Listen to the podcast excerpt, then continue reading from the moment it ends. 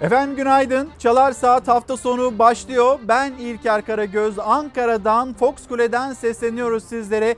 Bugün cumartesi güzel bir gün başlıyor Ankara'da. Şu an, şu saat itibariyle Ankara'da hava sıcaklığının 5 derece dolaylarında olduğunu söyleyelim. Sokağa çıkma kısıtlamasının olduğu şehirlerden birisi başkent. Kuşkusuz sizler de biliyorsunuz. Başkent, İstanbul, yine İzmir bu şehirler ve 24 şehirde sokağa çıkma kısıtlaması devam ediyor. Ama aynı zamanda diğer il, bazı illerde de vazgeçildi. 7 ilde vazgeçildi, 24 ilde bu sokağa çıkma kısıtlaması devam ediyor. Şimdi tedbirli olmamız gerekiyor. Sağlık Bakanı hayatın normalleşmesi için takım adımlar atılıyor. Bilim kurulu nasıl yaklaşıyor? Bunları detaylarıyla paylaşacağız sizlerle. Ama kontrollü bir hayatımız olmazsa biz önümüzdeki günlerde tam böyle bu salgını atlatamadan yepyeni bir dalgayla, ikinci dalgayla karşı karşıya kalabiliriz.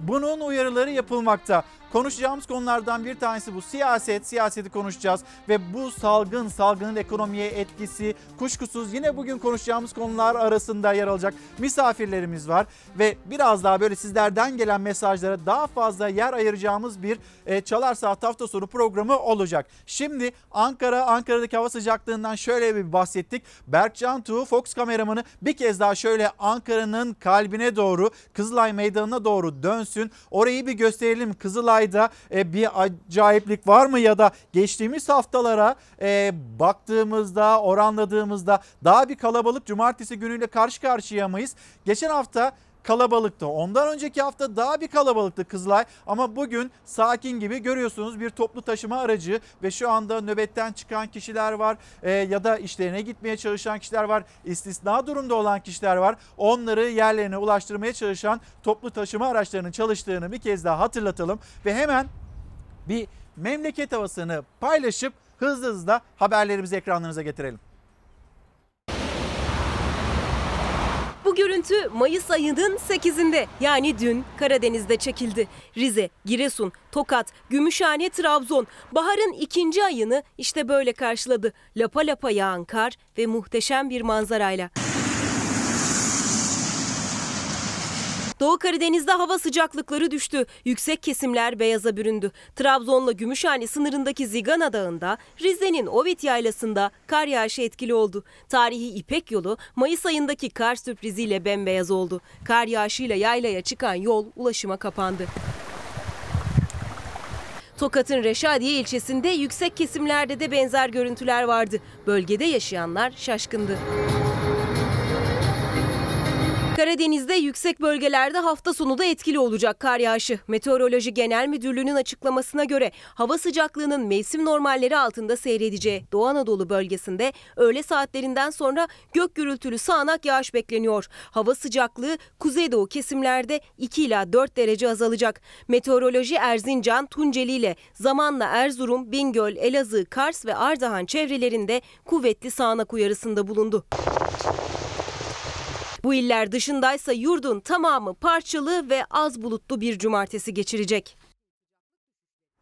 Sağlık Bakanı kameraların karşısına geçtiği hafta içinde verdiği mesajlar olumlu olarak algılandı. Ama bir yandan da acaba biz çok hızlı bir şekilde mi gidiyoruz, ilerliyoruz, normalleşme sürecine geçiyoruz? Bunlar da herkesin aklında soru işaretleri uyandırdı. Sizlerden gelen mesajlar var bakıyoruz. Kontrollü hayat derken bir yandan şöyle çarşı pazara, sokaklara baktığımızda çok da kontrollü davranmayan kişiler olduğunu da sizler de gözlemliyorsunuz. Bizler de zaten ekranlarınıza yansıtıyoruz ama şimdi her şey yavaş yavaş normale dönerken biz burada bir zafiyet sergilersek bu tür hani yanlış adımlar atarsak o zaman karşımıza bambaşka bir tablo. Şu ana kadar yaşamış olduğumuz o tedbirler alınmış olan tedbirlerin daha da ilerisinde tedbirlerle karşı karşıya kalmak durumunda olabiliriz. Bu yüzden unutmadan tedbirli olarak dikkatli bir şekilde bu süreci atlatmamız gerekiyor. Mayıs ayı Mayıs ayının 11'i ile birlikte yani pazartesi günüyle birlikte işte kuaförler, berberler,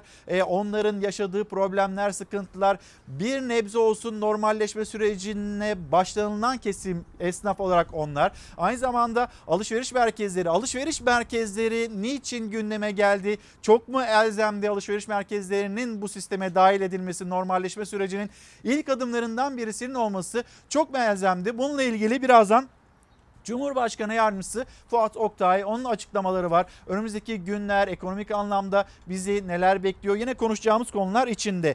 4 hafta pik yaptı. 4 hafta sonrasında e, o pik sürecini gördükten sonra inişe geçtiği, grafiğin inişe geçtiği bilgilendirmesini yaptı Sağlık Bakanı Fahrettin Koca hafta içinde. Salgını kontrol altına aldık dedi. Ama kurduğu her cümlenin sonrasında mutlaka bir açıklaması, mutlaka bir şerhi vardı ve e, dedi ki biz tedbiri elden bırakırsak bu elde ettiğimiz kazanımların hepsini kaybedeceğiz. Hala evin en güvenli yer, en güvenli alan olduğunu yine bizlerle paylaştı. Yeni bir normalimiz olacak. Eskiye dönecek miyiz? Eskiye ne zaman döneceğiz? Kuşkusuz o aşı bulununcaya kadar biz eskiye dönmeyeceğiz ama bir normalleşme sürecine ihtiyacımız var. O normalleşme sürecinin de e, karşılanabilmesi için bir yeni normal olan duruma alışmamız gerekiyor ve galiba bundan sonraki günleri herhalde öyle yaşayacağız. Ya da işte ekonomik anlamda, sosyal anlamda neler yaşayacağız? Biraz da bunları böyle deneyimleyerek öğrenmiş olacağız. Yepyeni bir normalimiz olacak. O normal bizim bundan sonraki hayatımızda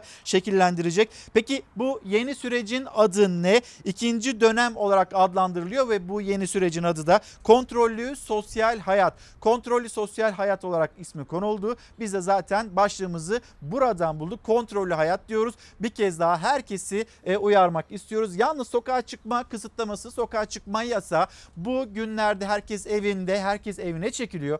Ama Sonra saatler tam da böyle sıfır sıfırı gösterdiğinde sokağa çıkma kısıtlaması bittiğinde herkes kendini dışarıya atıyor. Herkes çarşı pazara gidiyor. E bu durumda işte o zaman o salgını biz geride bırakıyor oluyor muyuz? Aslında olmuyoruz. Büyük bir risk alıyoruz. Şimdi Sağlık Bakanı Fahrettin Koca, Fahrettin Koca'nın dün sosyal medya üzerinden yaptığı açıklamalar onu bir ekranlarınızda taşıyalım. Sonra bir yeni gün ve dün yapılan açıklamalar nasıl bir tabloyla karşı karşıyayız? Bu tablo iyi mi, kötü mü, iyimser bir sonuç mu var önümüzde? Onu konuşalım. Toplam iyileşen hasta sayısı 85 bini aştı. Son 24 saatteki vaka, vefat, yoğun bakım, entübe hasta sayısında yine düşüklük var, düşüş var. Tablo virüsle mücadelemizde lehimize veriler ortaya koyuyor. Ama işte yine bir açıklama, yine bir şer cümlesi ama bunlar kesin sonuçlar değil. Ciddi bir fırsat. Fırsatı kullanalım. Önümüzde bir fırsat var ama biz tedbirsiz davranırsak, kontrolü elden bırakırsak bambaşka bir sonuçta karşı karşıya kalacağız. Ve işte dünkü tabloyu görmektesiniz. Dün yapılmış olan test sayısı 33.687 ee, ve yine vaka sayısı 1848 olarak açıklandı. Maalesef yaşamını yitirenlerin sayısı yine yaşamını yitiren kişilerimiz var. 48 kişi 50'nin altına düşmesi yine umut verici bir e, sonuç olarak değerlendiriliyor uzmanlar tarafından ve dün bu hastalığı yenenlerin sayısının da 3412 olduğunu söyledi. Sağlık Bakanı Fahrettin Koca bu açıklamayı yaptı. Sonra sosyal medyadan yaptığı başkaca açıklamalar da vardı. Bir bakalım hep birlikte.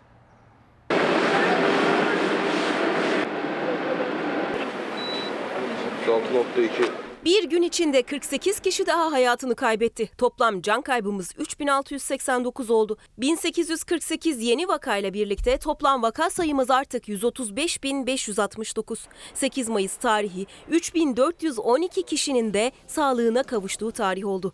Rakamlar umut veriyor ama tehlike geçmiş değil. Bakan Fahrettin Koca hep yaptığı gibi uyarmayı ihmal etmedi. Lehimize sonuçları fırsat bilelim dedi. Toplam iyileşen hasta sayısı 85 bini aştı. Son 24 saatteki vaka, vefat, yoğun bakım, entübe hasta sayısına düşüş var. Tablo virüsle mücadelemizde lehimize veriler ortaya koyuyor. Ama bunlar kesin sonuçlar değil. Ciddi bir fırsat. Fırsatı kullanalım. Cezayir alabilir miyiz şimdi seni? Sağlık Bakanı Fahrettin Koca Türkiye'nin koronavirüs tablosunu paylaşırken yeni vaka, can kaybı ve yoğun bakımdaki hasta sayısında yaşanan düşüşe dikkat çekti. İyileşen hasta sayımız 86.369'a çıkmışken ve yoğun bakımda tedavi gören hasta sayımız 1219'a düşmüşken yeniden tablonun kötüleşmesine izin vermeyelim dedi Fahrettin Koca. Dün yoğun trafiğe dikkat çekti. Bugün pazar yerlerine. Maske ve sosyal mesafe uyarılarımız, halkımızın pratik zekası, hazır cevap konuşmasıyla mevzu olup yayılıyor. Pazar yerinde dikkatli olalım. Biri parayla birlikte bir miktar koronavirüs uzatabilir. Keşke görebilseydik. O zaman koronavirüsten kolayca kaçınabilirdik. Tedbir elden bırakmayın. Ev dışında mutlaka maske takın ve sosyal mesafeyi koruyun. Sağlık Bakanı Fahrettin Koca kahraman sağlık ordumuz için yapılan bir de klibi paylaştı. Biz burada yuvamızda yaşıyorken güvenle Sen savaşın ortasında koşuyorsun en önde. Nefesimiz kesilirse bir an Şefkat sende, Cuma günü yoğunluğu vakaların en fazla bulunduğu il olan İstanbul'da şaşkınlık verici boyuttaydı. 15 Temmuz Şehitler Köprüsü'nde araçlar dur kalk şeklinde ilerleyebildi. İstanbul'da trafik yoğunluğu %35'lere çıktı. Uyarılar ilk günden beri sık sık tekrarlanıyor ama salgını ciddiye almayanlar dışarı çıkmaktan vazgeçmedi yine. Hiçbir tedbir almadan etrafta dolaştı. Sağlık Bakanı Fahrettin Koca'nın birkaç gün önce oluşan kalabalık için çok erken uyarısı yaptığı Taksim Meydanı ve İstiklal Caddesi için yeni tedbir kararları alındı ve bugün itibariyle uygulamaya kondu. Bundan sonra İstiklal Caddesi'nde ve Taksim Meydanı'nda yürüyenlerin arasında 3 metrelik mesafe olacak ve maskesiz dolaşmak burada bundan böyle yasak. Sokakta maskesiz yürümek bu yasaklara dahil değil. Sokakta değil beyefendi. İstiklal Caddesi ve Taksim Meydanı. Var mı? Polis İstiklal Caddesi'nde maskesiz dolaşan 8 kişiyi durdurarak 1000 lira ceza kesti. Kaç para ödüyorsunuz abi buna? 1000 lira. 1000 lira mı? Evet. Abi siz iyi misiniz ya? Ben bir, bir aydır çalışmıyorum. Bir, bir milyar para alamadım ya. Abi 1000 lira ceza kesmeyin lütfen ya. İtiraz, itiraz, Ya kime itiraz edeyim abi? Söyle. Ya faturasını ödemeye, ödeyemeyen adam nasıl 1000 lira ödeyecek? Sahillerde yürümek, banklarda oturmak yasak olsa da yine kurallar çiğnendi. Sahillerde yasak efendim ama toplu durmak. Sahile inmiyoruz ki. Sahilin yanındasınız efendim ben bu tarafta sahil var. Kadardan bu yol kenarında bir şey olmuyor. Bayrampaşa'daki bu köprü altında satıcılar yere bez sererek tezgah açtı. Alışveriş yapmak isteyenler başında kalabalık oluşturdu. Sosyal mesafe sınırları yine aşıldı. Esenler'de 6 yolcu taşıması gereken bu minibüsü yarım saat içinde polis iki defa durdurdu. Yapılan ikinci denetimde minibüste 32 yolcu taşıdığı tespit edildi.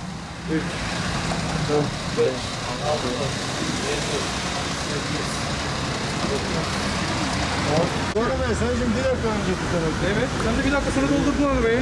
Bir doldurduğun mu var ha güzel abim? Zaten orada dururken arabada olmuş. Ben de çıktım.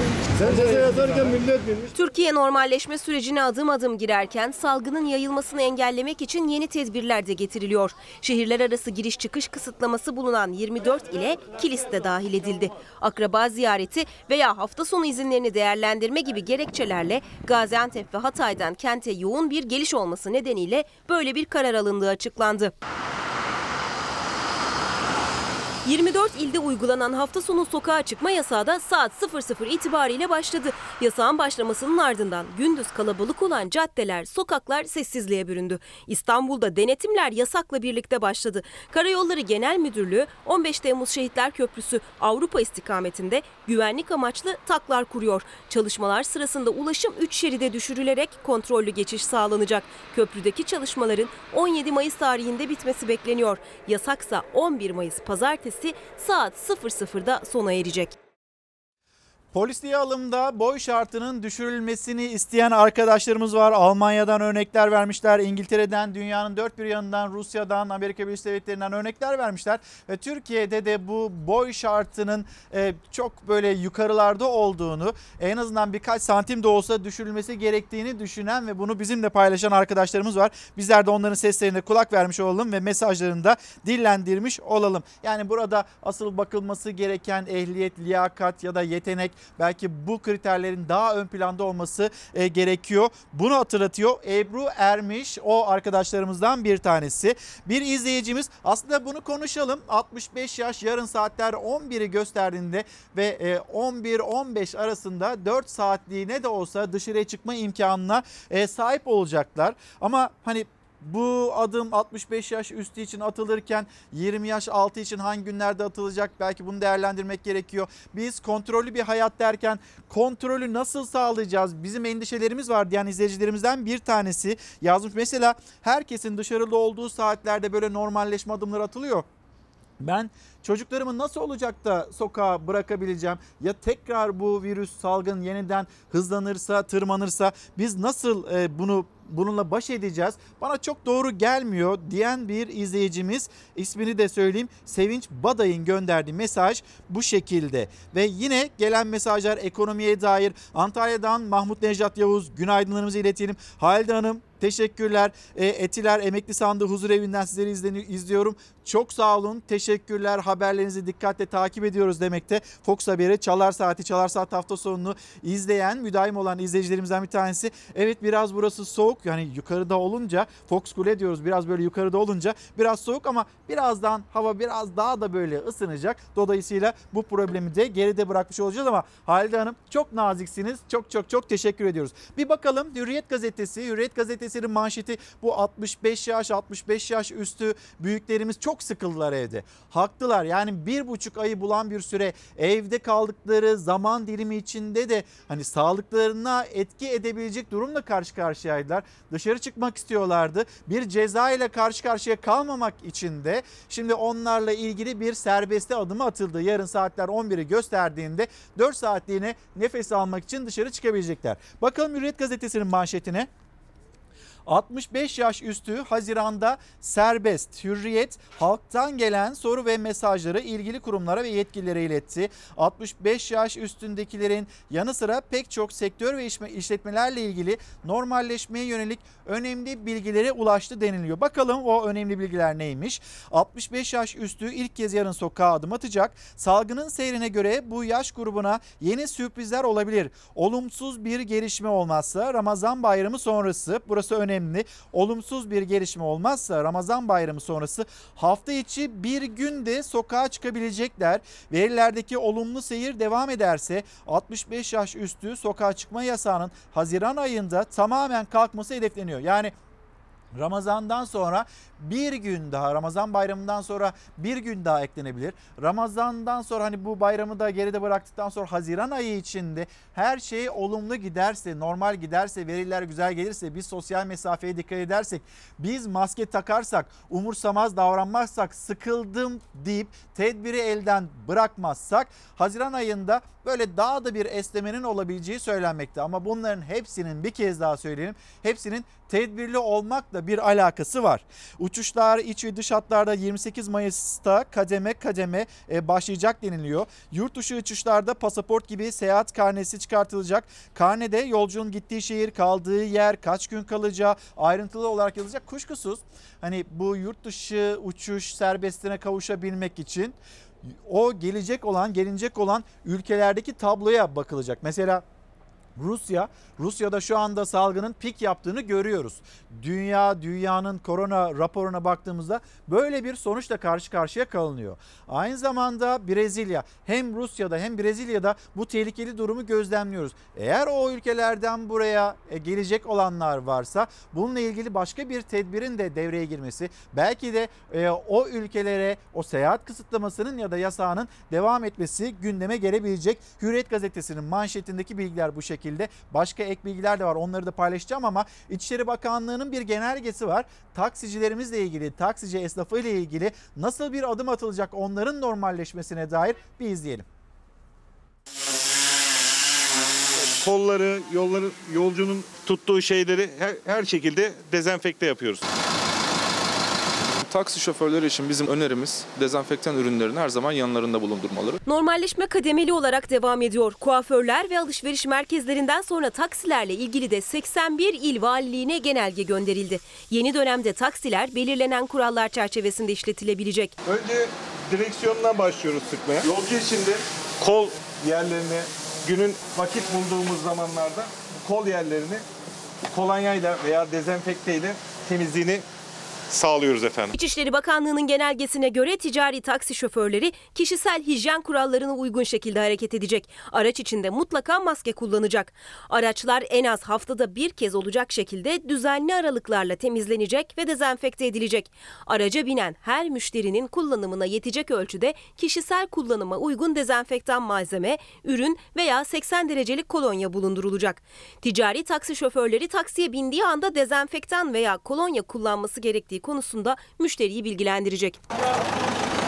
Şartlar bu kadarla da sınırlı değil. Tedbirler sıkı. Ticari taksilere aynı anda 3 kişiden fazla müşteri kabul edilmeyecek. Müşteriler ticari taksilere maskesiz binemeyecek. Hizmet sunulan her müşteriden sonra trafik kurallarına uygun bir alanda müşterilerin fiziksel temas edebileceği kapı kolu, cam açma düğmesi, koltuk gibi yerlerin silinmesi, dezenfekte edilmesi ve araç içerisinin havalandırılması sağlanacak ve alınan tedbirler trafik zabıtası tarafından denetlenecek. Aydan Hanım günaydınlar. Sağlıklı günler diliyor bizlere. Bizler de hem size hem Türkiye'ye sağlıklı günler diliyoruz. Halka korona serbestliği getirmek salgının kontrolden çıkması anlamına gelir demekte. Böyle bir değerlendirme yapıyor. Benzer endişeleri işte MHP lideri Devlet Bahçeli o da dillendiriyor. Cumhuriyet Gazetesi'nin manşetine baktığımızda İstanbul hani Türkiye'nin Wuhan'ı olarak adlandırılan yer yani salgının ana merkez noktası olarak adlandırılan şehir İstanbul. İstanbul içinde endişenin devam ettiğini görüyoruz. Geçen hafta pazar günü sokağa çıkma yasağı bitti. Sokağa çıkma yasağının kısıtlamasının bitmesiyle insanlar kendini sokağa attı. Gece yarısında insanları sokakta gördük. Hafta içinde İnanılmaz trafik vardı. İşte muhabirlerimiz Fox muhabiri Gülşah İnce onun sosyal medya paylaşımlarında bol bol gördük. Ya da Fox Haber'in haberlerinde, e, bültenlerinde bunu sizler de bolca gördünüz. Trafiğe bakıyorsunuz, trafik sıkışık. Çarşıya, pazara bakıyorsunuz. Burada insan kalabalığıyla karşı karşıya kalınıyor. E yani nasıl bir normalleşme adım atacağız? Her şey bitti mi gerçekten? Nasıl bitti? 11 Mayıs tarihi neye göre belirlendi? AVM'ler buradan niye başlandı?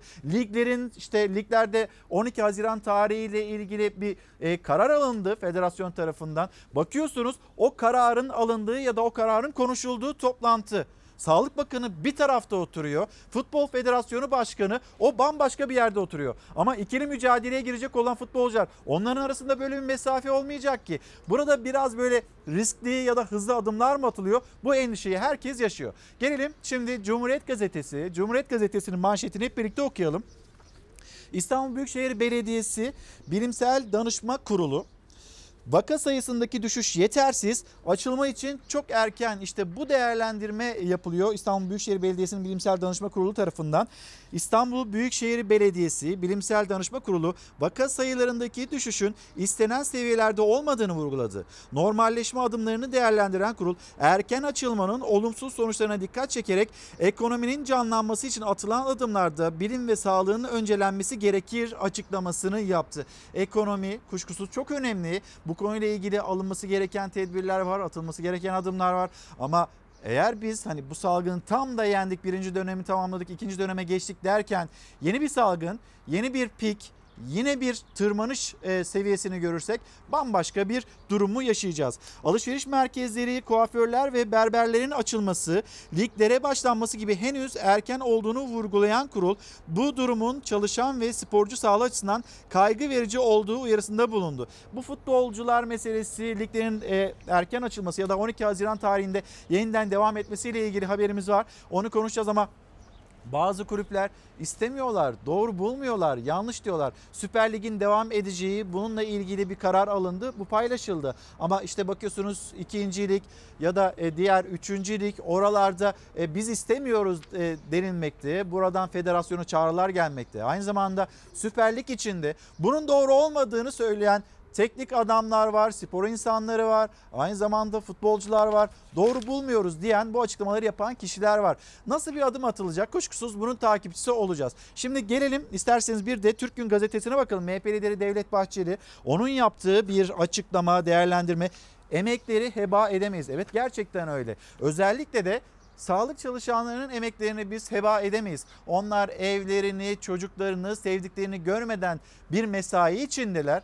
Alkışlıyoruz, alkışlarız. Bu bunda bir beis yok ama biz onların emeklerini en başta heba edemeyiz. Aynı zamanda bu süreçte bu salgının atlatılması için güvenlik güçlerimiz onlar da risk grubundalar. İşte gazeteciler pek çok sektör herkes risk grubunda herkesin bir emeği var. Herkes bu salgını atlatabilmek için bir şekilde ipin ucundan tutuyor. Ama biz bu emeklerin hepsini heba edersek tedbirsiz davranıp da ne kalacak? Elimizde hiçbir şey kalmayacak. Milliyetçi Hareket Partisi lideri Devlet Bahçeli de buna dikkat çekiyor. MHP lideri Devlet Bahçeli Covid-19'da mücadelede Sağlık Bakanlığı'nın tembih ve tedbirlerinin herkes için bağlayıcı olduğunu belirterek hiç kimsenin sorumsuz ve duyarsız hareket etmemesini, kurallara uymasını istedi. Yapılan çağrılar bu şekilde. Çarşıya, pazara baktığımızda biz bunu görmüyoruz ve herkesin aklında, zihninde bir ikinci dalga endişesi var. Keşke görebilseydik. O zaman koronavirüsten kolayca kaçınabilirdik. Özellikle büyük kentlerde, büyük AVM'lerde bir ikinci dalganın daha doğrusu henüz sönümlenmemiş bir salgın eğrisinin yeniden daha fazla olguyla ve ölümle karşımıza çıkma ihtimali var. Burada önemli bir risk alınıyor bence AVM'lerin açılmasıyla. Bir AVM inşaatında çalışan e, işçilerde yapılan taramada 20 kişinin 17'sinde bir e, PCR pozitifliği tespit ettiklerini az önce bana bildirdi. İddiaya göre bir inşaatta 18 işçi koronavirüse yakalandı. Alışveriş merkezlerinin koronavirüs salgınının ikinci dalgasını başlatmasından korkuluyor ama halk sağlığı uzmanı Profesör Doktor Kayahan Pala'ya göre zaten henüz salgın sönmedi bile. AVM'ler pazartesi günü açılıyor. Uzmanlara göre tarih erken, risk yüksek. Alışveriş merkezi çalışanlarının bağlı bulunduğu sendikadan da AVM'ye gitmeyin çağrısı yapıldı. Emekçiler yurttaşlara sesleniyorlar. AVM'lere gelmeyin diye. Çalışanların tedirgin olmasını çok haklı buluyorum. Dinlenmeye bile fırsat bulamazken şimdi bir de Covid-19 hastalığı tedirginliği yaşamaları bence haklı bir gerekçedir. İşçi sınıfı bu pandemi sırasında bedel ödemeye devam ediyor. Uzmanlar Bilim Kurulu Sağlık Bakanı Fahrettin Koca alışveriş merkezleri konusunda uyardı. Bakan Koca sosyal medya hesabından riski görün diyerek alışveriş merkezi videosu paylaştı. Sağlık Bakanı Fahrettin Koca alışveriş merkezlerinin zaten kapalı olmadığını, içindeki mağazaların açılacağını duyurdu. Alışveriş merkezleri siyasi rant uğruna açılmaktadır. İnsanlarımızın canlarını tehlikeye atan bu kararın sorumluluğu saray hükümetine ve onun başına aittir. Bilim Kurulu üyeleri kapalı olan AVM'ler için açılma tarihini erken bulsa da geri adım atılmadı. Halk sağlığı uzmanı Profesör Doktor Kayahan Pala'ya göre ise vaka sayılarındaki düşüş henüz normalleşmenin gelmesi için yeterli değil.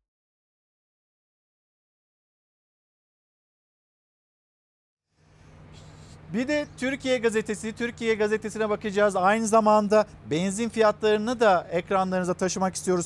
5 gün içerisinde benzine dördüncü kez zam geldi. Ankara için fiyatlar nasıl, İstanbul için fiyatlar nasıl?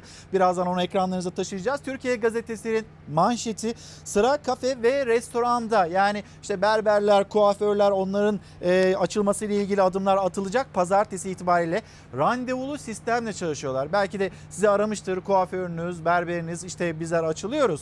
Ee, gelecek misiniz, tıraş olacak mısınız, böyle bir ihtiyacınız var mı, kuaföre uğrayacak mısınız diye artık onlar da telefon ediyorlar müşterilerine. Randevulu bir sistem hayatımıza girecek onu biliyoruz, gözlemliyoruz. Şimdi Türkiye Gazetesi'nin manşetine baktığımızda normalleşmede yeni adımlar. Biz hani Nasıl bu kadar emin olabiliyoruz? Biz bu, bu süreci, bu salgını atlattık mı gerçekten? İşte bir tarafta bilim kurulu, bilim kurulu mesela spor müsabakaları ile ilgili 12 Haziran tarihiyle ilgili çekincelerini iletmekte. Sağlık Bakanı Fahrettin Koca sorumluluk bizde değil artık federasyonda onlar kendi önlemlerini aldıklarını e, söylemekteler diyor ve topu federasyona atıyor. Federasyon da dün yaptığı açıklamayla o topu yeniden Sağlık Bakanlığı'na ya da Bilim Kurulu'na yuvarlamış durumda. Peki biz nasıl emin olabiliyoruz? Biz bu salgını geride bıraktığımızı nasıl söyleyebiliyoruz? Dünyadaki örnekler nasıl? Bir vaka olan e, ülke işte ne bileyim Japonya'da, Avustralya'da, Yeni Zelanda'da orada da vaka sayıları az ama oradaki olağanüstü hal durumları ortadan kalktı mı? Birazdan bunu ekranlarınıza taşıyacağız. Gazete Pencere'nin böyle bir değerlemesi, değerlendirmesi var. Onu paylaşacağız ama işte sıra kafelere geldi, restoranlara geldi. Çok hızlı mı geldik acaba? Herkesin aklında bu soru var. Aynı zamanda çayını kendisi toplayan Karadenizlerin memleketlerine gitmelerine e, izin çıktı. Bugün yine konuşacağımız konular arasında bulunuyor bu. AK Parti'de e, önemli bir isim, e, senelerce bakanlık da yapmış bir isim. Karadenizli, Hayati Yazıcı Rizeli bir isim. E, aynı zamanda pazartesi günü yapılacak olan kabine toplantısından sonra Cumhurbaşkanı Erdoğan'ın ulusa sesleniş konuşmasında çay toplayacak olan çay üreticileri için bu yönde alınacak adımları, kararları açıklayacağını söyledi. Yani burada da bir serbestinin, burada da bir trafiğin oluşacağını, e, çayların toplamak satmak isteyen üreticilerin memleketlerine, evlerine, bahçelerine gitmesinin önünün açılacağı e, söylenmekte. Şimdi hemen geri gelelim. Bir zam haberi 5 gün içinde dördüncü kez benzine zam geldi. Dolar kurundaki yükselişle birlikte benzin ve motorine zam geldi. İstanbul'da benzinin litre fiyatı 5 liranın altına düşmüş, tüketicinin yüzü gülmüştü. Ancak uzun sürmedi. Düşen ham petrol fiyatlarına rağmen zam haberleri üst üste geldi. Benzine 15 kuruş, motorine ise 13 kuruş zam yapıldı. Bu zamla birlikte akaryakıta 5 gün içerisinde dördüncü kez zam gelmiş oldu. Yapılan yeni zamla birlikte Ankara'da ortalama 5 lira 23 kuruşa satılan motorinin litre fiyatı 5 lira 46 kuruş, İstanbul'da ise 5 lira 28 kuruşa yükseldi. Benzinin litre fiyatı ise İstanbul'da 5 lira 71 kuruşa, Ankara ve İzmir'de ise ortalama 5 lira 82 kuruşa çıktı. Elimizden geldiğince sizlerden gelen mesajlara da bir göz atalım istiyoruz. Her sokağa çıkma yasağından sonra pazartesi günü sokaklar olağandan her zaman olduğundan daha fazla kalabalık e, olmakta diyor Çetin Uyanık. Aslında burada yaşanılan bir ne bileyim tedbirsizliğe dikkat çekiyor. Bilim kurulunda bu sokağa çıkma kısıtlamalarına olumlu bakan üyeler var ama aynı zamanda da olumsuz değerlendiren üyeler var. Onların olumsuz bakmasının nedeni tam da Çetin Bey'in, Çetin Uyan'ın söylediği konu ya da işte hepimizin gözlemlediği konu. Sokağa çıkma kısıtlaması, insanlar evde e, bunalıyorlar ya da e, ne bileyim dışarıya çıkamamanın vermiş olduğu psikolojik bir etki belki de bu e, kısıtlama kalktığında insanlar dışarıya çıkıyorlar. Böyle bir durumda salgının daha da tırmanabilme endişesinden söz ediliyor ve bilim kurulundaki üyeler de bu yüzden buna sokağa çıkma kısıtlamasına e, olumlu yönde bakmıyor bazıları en azından. Mayıs ayında biz bu sokağa çıkma kısıtlamalarının 24 il için 7 il artık e, gündemden çıktı. 24 il için devam edebileceğini yeni yeni de değerlendirmeler yapılıp o illerin sayısının azaltılabileceğini biliyoruz. Çifte bayram herkesin isteği, beklentisi bu ama çifte bayram için tekrar hatırlatalım başlığımızı kontrollü bir hayat olması gerekiyor. Şimdi bir mola vereceğiz. Reklamlara gideceğiz. Hızlı bir şekilde döneceğiz. Sonrasında bir iki haber Deniz Zeyrek burada olacak Sözcü gazetesinden ve bir misafirimiz olacak. Önemli bir isim Cumhuriyet Halk Partisi'nde dikkat çeken açıklamaları yapan e, önemli bir isim Gürsel Erol'la bir gündemi değerlendirmek istiyoruz. Bir mola verelim sonra burada buluşalım. Efendim bir kez daha günaydın. Çalar Saat hafta sonu devam ediyor. Kontrollü hayat dediğimiz bugün de. Şimdi misafirlerimiz olacak demiştik. Sözcü gazetesinden Deniz Zeyrek yanımızda. Ve aynı zamanda Cumhuriyet Halk Partisi Elazığ Milletvekili Gürsel Erol ki Elazığ'dan seneler seneler sonra milletvekili çıkarmayı başarmıştı Cumhuriyet Halk Partisi. Ve o şehirde milletvekili seçilen isim Gürsel Erol. Kendilerine sorularımız var. Onları soracağız ama bir memleket turu yapalım. Memleketten korona raporlarını alalım öyle dönelim.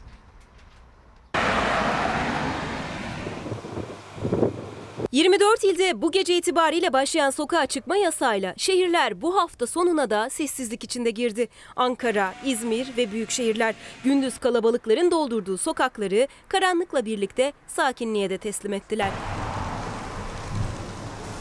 Samsun ve Tokat'ta ise koronavirüs tedbirleri kapsamında yurt dışından getirilenlerin hareketliliği vardı.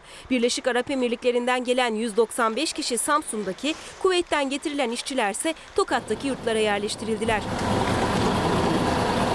Bayram yaklaşırken bazı illerde güvenlik önlemlerini artırıyor. Batman valisi Hulusi Şahin kentte artan koronavirüs yakalarına dikkat çekerek radikal kararlar almak zorunda olduklarını ve Ramazan bayramında sokağa çıkma yasağı uygulanması için hükümete öneride bulunabileceklerini söyledi. Salgının kontrol altına alınıyor olması sanki Batman'da da bir rehavet ortaya çıkarmış görünüyor.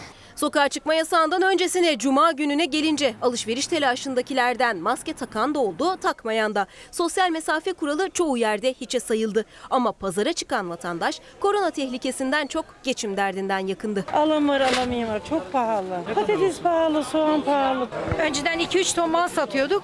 Şimdi de 4 çuval patatesle 4 çuval soğanla gün geçiyor. 24 ilde manzara aşağı yukarı aynıydı. Sokaklar kalabalık, çarşı pazar yoğundu.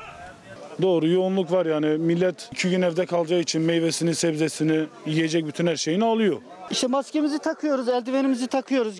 yani itina göstermeye çalışıyoruz. Yani şu anda millet e, çok gevşemiş durumda. E, çoğunda maske yok. Maske olanlar da yine burunlar açık. İnsanlar sokağa çıkmaya başlamış. Durum biraz zor düzelecek gibime geliyor. Gaziantep'te caddelerde neredeyse adım atacak yer yoktu. Maske takanların azlığı dikkatlerden kaçmadı. Samsun Halk Pazarı'nda işler durgundu. Vatandaşlar fiyatları pahalı buldu. Vatandaşın ihtiyaçları çok ama alamıyor. Her şey pahalandı. Çalışamıyoruz, üretemiyorsun. Hazırdan yemek zorundasın. Fiyatla iyi değil arkadaş ya. Durum çok kötü. Domates uçtu. Sokak kısıtlaması yapılmayacak kentlerde de denetim arttı. Bartın Valiliği 11 Mayıs gününden itibaren sokağa maskesiz çıkmayı yasakladı. İzmir'in Konak ilçesinde parklara yaşlılar için tek kişilik banklar konuldu. Mersin'de de çocuk parkları yenilenip dezenfekte edildi. Son iki aydır ekonomik anlamda zorda olan çiçekçilerse heyecanla anneler gününü bekliyor. Anneleri biz sevindireceğiz, onlara mutluluk vereceğiz. Kuaför ve berberlerde de 11 Mayıs hazırlığı sürüyor. Yalova'da sektör çalışanlarına koronavirüs testi yapıldı. E, Pazartesi günü işe başlıyoruz inşallah uzun bir aradan sonra. Bu yüzden de şu anda e, gelen müşterilerimiz açısından, kendi sağlığımız açısından tedbir amaçlı tahlil vermeye geldik. Normalleşme çalışmalarının yanı sıra koronavirüsle mücadelede iyileşenler umut olmaya devam ediyor. Nevşehir'de 40 günlük Ayşegül bebekle annesi virüsü yenerek taburcu edildi. Amasya'nın Merzifon ilçesinde aile hekimi Mehmet Gür de 2 haftalık tedaviyle iyileşenler arasına katıldı. Sizin tabirinizle çukur, çukurdan çıkardınız. Sağ olun, var olun. Emeğinize sağlık. Hakkınızı helal edin. Elazığ'da ise bir görüntü yansıdı kameralara. Ramazan'da mukabele geleneğini bozmak istemeyen Elazığlılar balkonlarından Kur'an okudular. Bizlere günaydın diyen izleyicilerimiz var bir yandan Sözcü Gazetesi'nden Deniz Eğri. Diğer yandan Cumhuriyet Halk Partisi e, Elazığ Milletvekili Gürsel Erol'a günaydın diyen Günaydın. Çalar Saat hafta sonuna hoş geldiniz Teşekkür diyen izleyicilerimiz var. Soruyorlar Gürsel Bey'in korkusu var mı acaba? Deniz Bey yükseklikten korkuyor. Gürsel Bey'in bir alıştı. Benim hiçbir kaçartla ve koşuda hiçbir korkum yok. Şimdi biz bunu konuştuk aslında. Ee, Deniz abi çok fazla buraya çıkmak istemiyor. Böyle bir rahatsızlık e, yaşıyor. Acaba bahçeden yapabilir miyiz diye. Ama olmadı. Denk gelemedik. Yine buradayız. Deniz abi kusura bakma. Ama manzara muhteşem. Bir psikolog. Muhteşem. Deniz abi Muhteşem manzara psikoloğun var. dediğini söyler misin bir? İlker sana terapi uyguladı ve başarılı oldu yani bizim yıllarca yapamayacağımız şeyi. Bitti, yendik. Bitti yani. Hakikaten yani şu 5-6 haftada başıma silah dayasan onunla ölmeyi tercih ederdim yani. Bayağı da yakında duruyorsun Tabii artık. tabii. Yani bu, sarkıyorsun. Olayı kuleden. kaptım. Efendim hoş geldiniz. Evet, teşekkür Şimdi ederim, bulduk. siyaset, siyasette konuşulan, tartışılan pek çok konu var, başlık var. İşte bir yandan işte darbe e, iddiaları, o açıklamalar, Cumhuriyet Halk Partisi Grup Başkan Vekili Özgür Özel'in açıklamaları, cümleleri darbe şeklinde yorumlandı. Siyaset bunun üzerinde bayağı bir e, cümleler kurdu. Yani aslında ekonomiye gelecek tam söz bir yandan siyaseten cümleler kuruluyor. Şimdi Dün akşam saatlerinde e, Cumhurbaşkanlığı İletişim Başkanı Fahrettin Altun o cümlelerle başlamak istiyorum. Sosyal medya paylaşımı var. Yalan, hurafe ve kinden beslenen gayrimilli bir muhalefet bizleri paçamızdan aşağı doğru çekmeye çalışıyor. Türkiye düşmanlarıyla işbirliği yapan antidemokratik bir muhalefet var. Pek çok cümle var. Ben hani o başlıklarını e, seçe seçe sizinle paylaşıyorum. E, küresel güç odaklarının ekonomi yönetimimize yönelik operasyonlarını ve hamlelerini destekleyen bir e, muhalefet denilmekte gayrimilli olarak e, ifade ediliyor. Muhalefetle ilgili kurulan cümleler bu Fahrettin Altun tarafından. Gayrimilli misiniz? Fahrettin Altun kim? Siyasi bir görevi mi var? AK Parti'nin genel başkan yardımcısı mı? AK Parti'de milletvekili mi? Fahrettin Altun bir kamu görevlisi. Yani Cumhurbaşkanlığı, İletişim Başkanlığı bir kamu görevidir. Şimdi partili Cumhurbaşkanlığı sistemine geçmeden önce kamu görevlileri, bürokratlar herhangi bir konuda, siyasi bir konuda değil, yani kendi bürokrasinin yetki alanında da herhangi bir konuda televizyona çıkmak için, basın açıklaması yapmak için itham yerinden ve bakanından izin alırdı. Siyasi konu değil yani konusuyla ilgili, kendi etki alandaki bürokratik konusuyla bile. Şimdi bakıyorsun bu sistemde kimin siyasetçi, kimin bürokrat, kimin bakan olduğu belli değil. Karma karışık bir yapı var. Kim Fahrettin Altun?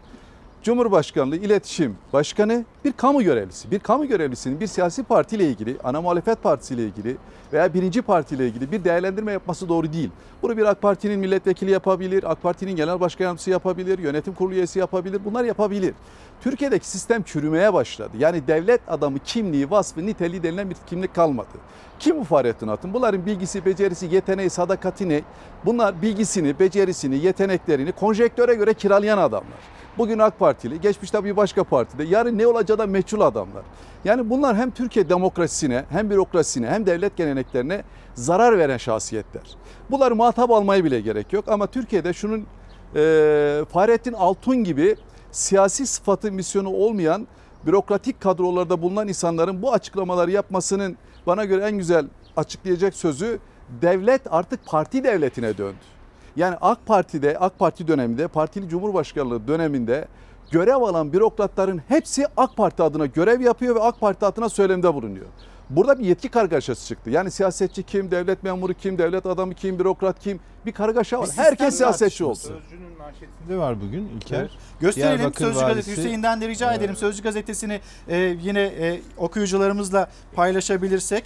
Sözcü Gazetesi'nin manşetinde işte iki e, belediye başkanı bir yanda işte e, neresi Erzurum'du, diğeri Diyarbakır'dı ve burada işte Vali belediye başkanı kayyum var tabii Vali, Diyarbakır'da. AK Parti Evet. ilçe başkanları, il başkanı onlarla toplantı yapıyor. Ya Deniz Bey eskiden şöyle bir tanım vardı. İyi bir devlet adamı.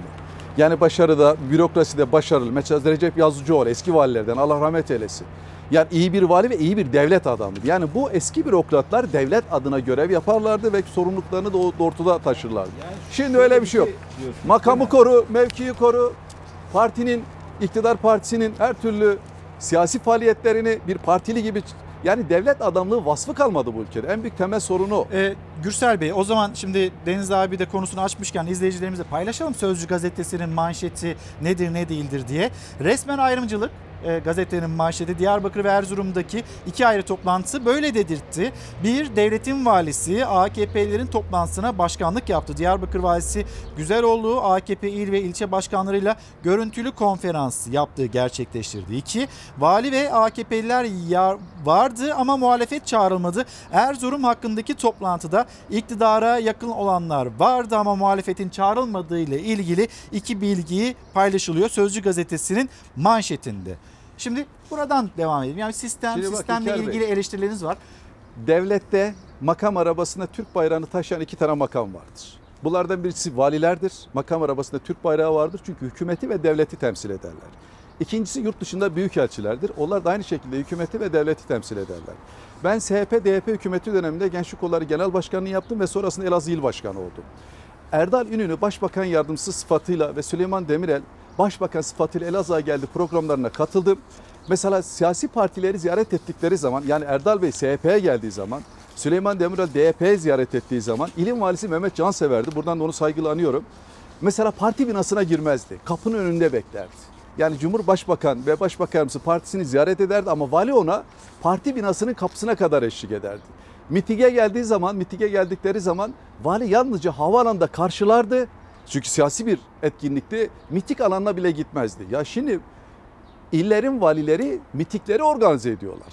İl örgütlerinin kampanyalarını, çalışmalarını organize ediyorlar. Yani ben buradan Türkiye'de görev yapan 81 ilin valisine sesleniyorum. Sizi siyasi irade tercih etmiş olabilir. Sizi siyasi irade bu göreve getirmiş olabilir. Sizin bu siyasi iradeye karşı vefa borcunuz da olmuş olabilir. Ama sizin sorumluluklarınız, itaatınız ve biatınız devlet geleneklerinedir, devletedir. Yani devlete atmayın bir tarafa. Çünkü partiler geçicidir, devlet kalıcıdır. Siz de devlet adına görev yapıyorsunuz. Yani bunun gibi birçok sorunlar var. Ama bana göre bugün esas konuşulması gereken, Türkiye'de gündem yapılması gereken en önemli şey Serik Belediye Başkanı'nın söylemleri. Bakın bu bir iddia değil. Yani Serik Belediye Başkanı'nın söylemleri bir rüşvet ile ilgili bir söylemleri bir iddia değil. Peki şimdi mesela e, siz üslup olarak Cumhuriyet Halk Partisi'nde böyle daha farklı yere konuluyorsunuz. Dün sosyal medya paylaşımı e, yapmışsınız. E, işte programa katılacağınızı söylemişsiniz. E, sizi destekleyenler var. Sizi desteklemiyor ya partinizi desteklemiyorum ama sizi çok seviyorum diyen e, takipçileriniz de var. Bunu da konuşmak istiyoruz. Ya biraz böyle devlet aklı, devlet aklının nasıl ilerlemesi gerektiğini konuşmak istiyoruz. Deniz abi bu noktada senin bir sorun varsa öyle ilerleyelim istersen. Ya aslında tamam söylediğinize katılıyorum. E, yani Fahrettin Altun siyasi bir kişilik olsa muhatap alıp yanıt verirsiniz. Öyle anladım. Ama bu eleştiri AK Partililer tarafından da getiriliyor. Yani siz ne zaman bir eleştiri yönelseniz, ne zaman işte ekonomiyi konuşsanız, ne zaman işte maske meselesini konuşsanız hemen diyorlar ki siz gayrimillisiniz. Siz Türkiye'yi aşağı çekiyorsunuz. Siz Türkiye'nin gelişmesine karşısınız. Siz her şeye istemezlik diyorsunuz. Biraz yani Fahrettin Altun'dan bağımsız olarak iktidar partisinin size yöneltilen bu eleştirisine yanıt verseniz. Ya şöyle Deniz Bey bakın yani bu ülke bugün içinde bulunduğu durumu değerlendirecek olursak işte dediğim gibi partili cumhurbaşkanlığı sistemi, bürokrasinin siyasallaşması, devletin kurumlarıyla, kuruluşları ve kanunlarıyla deşifre edilmesi, geçmişten gelen özelliklerinin dışına çıkarılması. Ya bu ülkede esas yani kimin milli olup olmadığını tartışmasının yapılması doğru değildir. Yani Cumhuriyet Halk Partisi e, devleti kuran partidir. Mustafa Kemal Atatürk'ün ilk genel başkanlığı yaptığı ve benim övündüğüm iki şey vardır dediği bir Türkiye Cumhuriyeti, ikincisi Cumhuriyet Halk Partisi dediği bir partiyle ilgili böyle bir iddiada bulunmayı çok ahlaki bulmuyorum. Ve o AK Partililer başta Sayın Cumhurbaşkanı ve CHP ile ilgili bu iddiada bulunan AK Partililer unutmasınlar ki bugün eğer Sayın Cumhurbaşkanı Tayyip Erdoğan Türkiye Cumhuriyeti'nin Cumhurbaşkanı ise Cumhuriyet Halk Partisi'nin sayesinde. Çünkü e, derin devletin, darbeci zihniyetin Tayyip Erdoğan'la ilgili bundan sonra muhtar olamaz dediği ve siyasi yasak getirdiği süreçte Cumhuriyet Halk Partisi Tayyip Erdoğan'ın siyasi yasağını kaldırdı. Önünü açtı.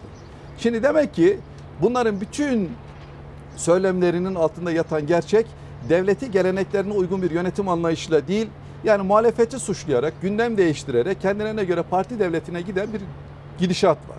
Şimdi e, İlker Bey'in sorusuna da yönelmek isterim. Şimdi İlker Bey biz kimiz? Ben milletvekiliyim değil mi? Yani benim devlet protokolünde bir yerim var. Ben Türkiye Büyük Millet Meclisi'nin üyesiyim. Benim görevim ne?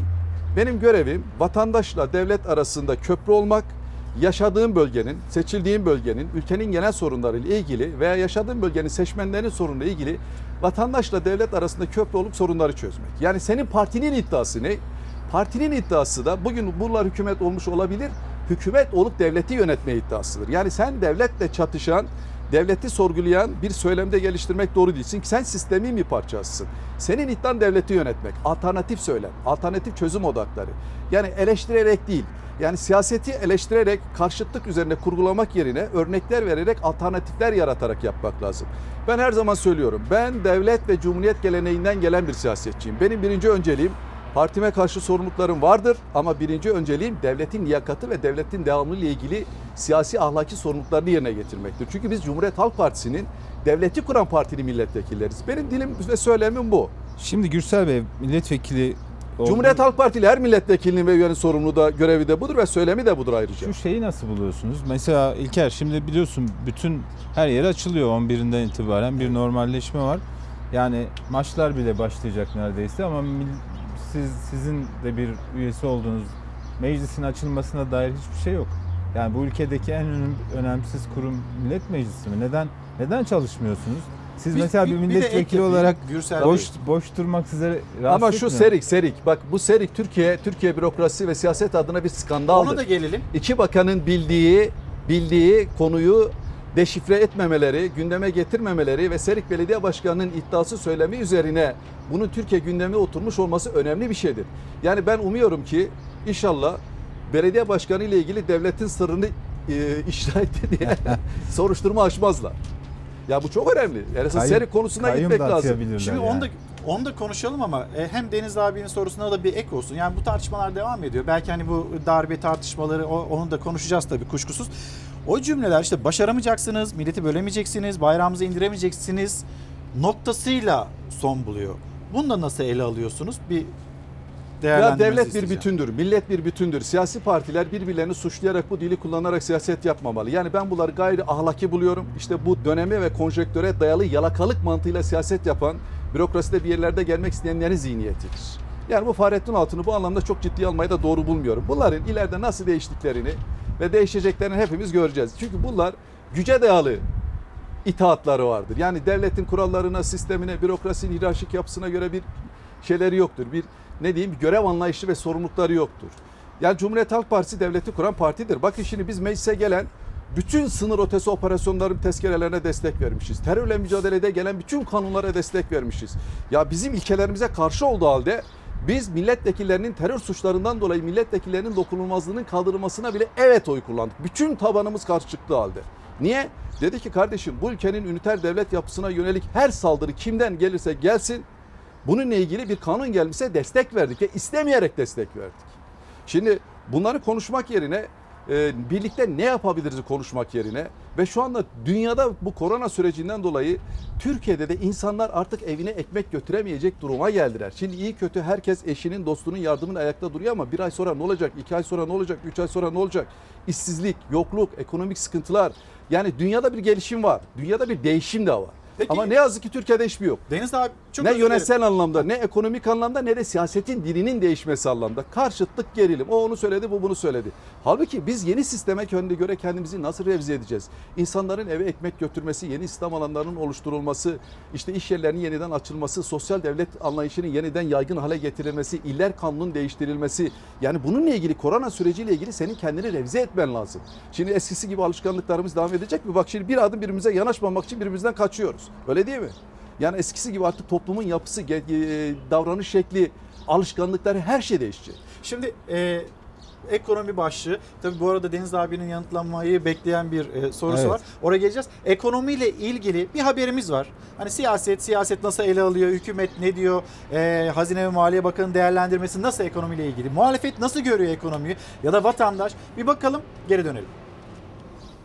doların değeri 7 lira 27 kuruşu gördü. Başkanlık sistemi ekonomimizi uçuracak diye geldiler. Uçan ekonomi değil ama maalesef dolar oldu. 2018 yılı 1 trilyon 65 milyar lira olan kamu borç stoku %32 artarak 1 trilyon 410 milyar liraya çıkmıştır. İşte tek adama dayalı sistemin Türkiye'ye getirdiği ekonomik tablo. Dövizin sert dalgalanışı, borç rakamları, swap görüşmeleri. Muhalefet ekonomide yaşanan krizin faturasını Cumhurbaşkanlığı hükümet sistemine kesti. Hazinenin başındaki isim Berat Albayrak da hedefteydi. Damat iş başına getirildiğinde en büyük banknot olan 200 lira ile 44 dolar alabiliyorduk. Şimdi aynı banknot ancak 28 dolar ediyor. Yine damat iş başına geldiğinde asgari ücret 354 dolardı. Şimdi 322 dolara düştü. Paramızı pul ettiler. Damat Bey bırakın 2,5 milyon yeni istihdam yaratılmasını 1 milyon 116 bin kişi işsizler ordusuna katılmıştır. Şimdi de tutturmuşlar Londra merkezli finansal kuruluşlar Türk lirasına saldırıyormuş. Bunlarla da Türkiye mücadele edebilecek güçtedir. Ekonomiyi köşeye sıkıştırmaya çalışan çevrelere pabuç bırakmayız. İyi de Türk lirası sadece dolar, avro, sterlin karşısında değer kaybetmiyor ki. Endonezya rupisine, Meksika pesosuna, Malezya ringgitine, Rus rublesine karşı da değer kaybediyor. Tüm dünya başkentleri anlaşılan işi gücü bırakmış, Türk lirasına saldırıyorlar. Dış borç stokumuzun 168 milyar doları bir yıl içerisinde ödenmesi gerekmektedir. Bu borcu ödemek için maalesef yeterli döviz rezervimiz de yoktur. S-400'leri aktive etmeyecekler. Aktive etmezsen sana para veririz diyorlar. Yani şantaj. Türkiye bir şantajla karşı karşıya. Zaten dolaylı olarak bu sözün verildiği bilini, bilinen bir gerçek. Elinoğlu bunu sözde uymaz yani. Diyecek ki getir yazılı olarak bana ver. Ekonomideki darboğaz nasıl aşılacak, düzlüğe nasıl çıkılacak sorularına yanıt aranırken CHP lideri Kılıçdaroğlu dikkat çeken bir iddiayı ortaya attı. Söz verildi, S-400'ler aktive edilmeyecek dedi. Şantaj yapıldığını söyledi. Her sözüme yıldırım hızıyla cevap veren Erdoğan bu konuda hiç konuşmadı. Türkiye Cumhuriyeti Devleti dünyanın en pahalı, en modern hurdasına sahip olmuş olacak. 2,5 milyar dolar. Kendi vatandaşına doğrudan nakit desteği yapamayan iktidar birkaç yandaş müteahhide dövize ön endeksli ödeme yapmayı sürdürmektedir. Adalet bunun neresinde? Vicdan bunun neresinde? Biz bunları sorunca ey CHP vatanı böldürmeyeceğiz, ezanı susturmayacağız, bayrağımızı indirtmeyeceğiz. Ülkemiz maalesef devlet aklıyla değil, troll aklıyla yönetiliyor. Muhalefet korona günlerinde alınan ekonomik tedbirlerin işçiye de esnafa da çare olmadığı görüşünde ve geleceğe dönük de endişeli. Gözler iktidarın yeni tedbirler alıp almayacağında. Devlet aklı nasıl işler, nasıl işlemeli, ekonomide nasıl işlemeli bunu konuşacağız. Ama şimdi Deniz abi, Deniz abinin sorusu. Yani her yer açılıyor bir normalleşme var. E, meclis, Evet. meclis niye açılmıyor? Ya bir de vicdanen rahat hissediyor musunuz kendinizi? Siyasetten ma- normalleşme yok ki. Hayır maaş alıyorsunuz. Her yerden normalleşme var, siyasetten normalleşme yok. Yani öyle hala kavga dili, hala muhalefete saldır, iddialarda bulun. Ya böyle bir şey yok. Devleti yönetenler bu gibi durumlarda milli birliği sağlamak adına geçmişte bu vardı Deniz Bey. Bakın Turgut Özal'ın Cumhurbaşkanlığı dönemine bakın, Süleyman Demirel'in Cumhurbaşkanlığı dönemine bakın, Ahmet Nezih Sezer'e bakın, Abdullah Gül'e bakın. Yani böyle ulusal bir meseleyle ilgili herhangi bir kriz gündeme geldiği zaman Cumhurbaşkanı, Başbakanı ve bütün siyasi parti genel başkanlarını çağırarak devlet aklının hakim olarak sürecin yürütülmesini e, inisiyatifinde bulunurdu ve önerisini getirirdi. Ama şimdi öyle değil. Şimdi tamamen saldırı, muhalefet hasret saldırı. Şimdi meclis niye açılmasın? Ya meclisin çalışması için bir engel yok ki. Yani sen eğer sağlık ortamlarını, koşullarını sağlık mecliste sağlayamıyorsan alışveriş merkezlerinde nasıl sağlayacaksın? Çalışma alanlarında nasıl sağlayacaksın? Ki meclis savaş sürecinde bile çalışmıştır. İşte Yunan ordusu Polatlı sınırlarına geldiği zaman meclisin Ankara'dan Kayseri'ye taşınması gündeme gelmişti. Bu da Kayseri güzel Lisesi'nde oldu. Kayseri Lisesi'nde bir e, Hazırlık da yapılmıştır. Hala duruyor müze, müze gibi Mecliste bunun ziyaret tartışması olurken ben anne tarafından aile büyüğümüz, büyük dedemiz Diyabağ'dır. Meclisin ilk milletvekilidir. Diyabağ söz alır ve der ki beyler biz buraya kaçmaya mı ölmeye mi geldik diye. Ben bayrağım için, Kur'an'ım için, vatanım için, milletim için son kurşunuma kadar savaşırım. Son kurşunumda yenilirsem beynime sıkarım demiştir. Ve meclisin Ankara'da kalması sağlanmış ve meclis İstiklal Savaşı döneminde top sesleri geldiği halde çalışmıştır. Meclisin çalışmaması için bir Yani engel düşmana yok ki. karşı direndiniz şimdi koronaya karşı teslim olmuşsunuz. Aynen. Aynen Yani- öyle. Ama şimdi Aynen mecliste öyle. var sadece bu. İşte Ama Ama ne bileyim AVM Bir de bu sene maç, maç bir yapılacak de bu ya. sene 12 100. Haziran'da yıl yani yapılacak. 100 Gazi Meclisi 100 yaşında bu sene. Bu sene o şeyin daha çok öne çıkması lazım ama ortada meclis yok. Ya şöyle olabilir. Sonuçta bizim şu anda Türk toplumunun Deniz Bey morale ihtiyacı var. Umuda ihtiyacı var. tamam da şunu Yani televizyonları açıyorsun, gerilim. Akademisyenleri dinliyorsun, korku, endişe, kaygı. Ya şimdi mecliste en azından ya Türkiye bir normalleşmeye gidiyor. Merak etmeyin ey vatandaşlarım. Devlet yalnızca bir hükümet değildir. Yani devlet yalnızca hükümeti yöneten parti de değildir. Devlet hepimiziz. 83 milyon.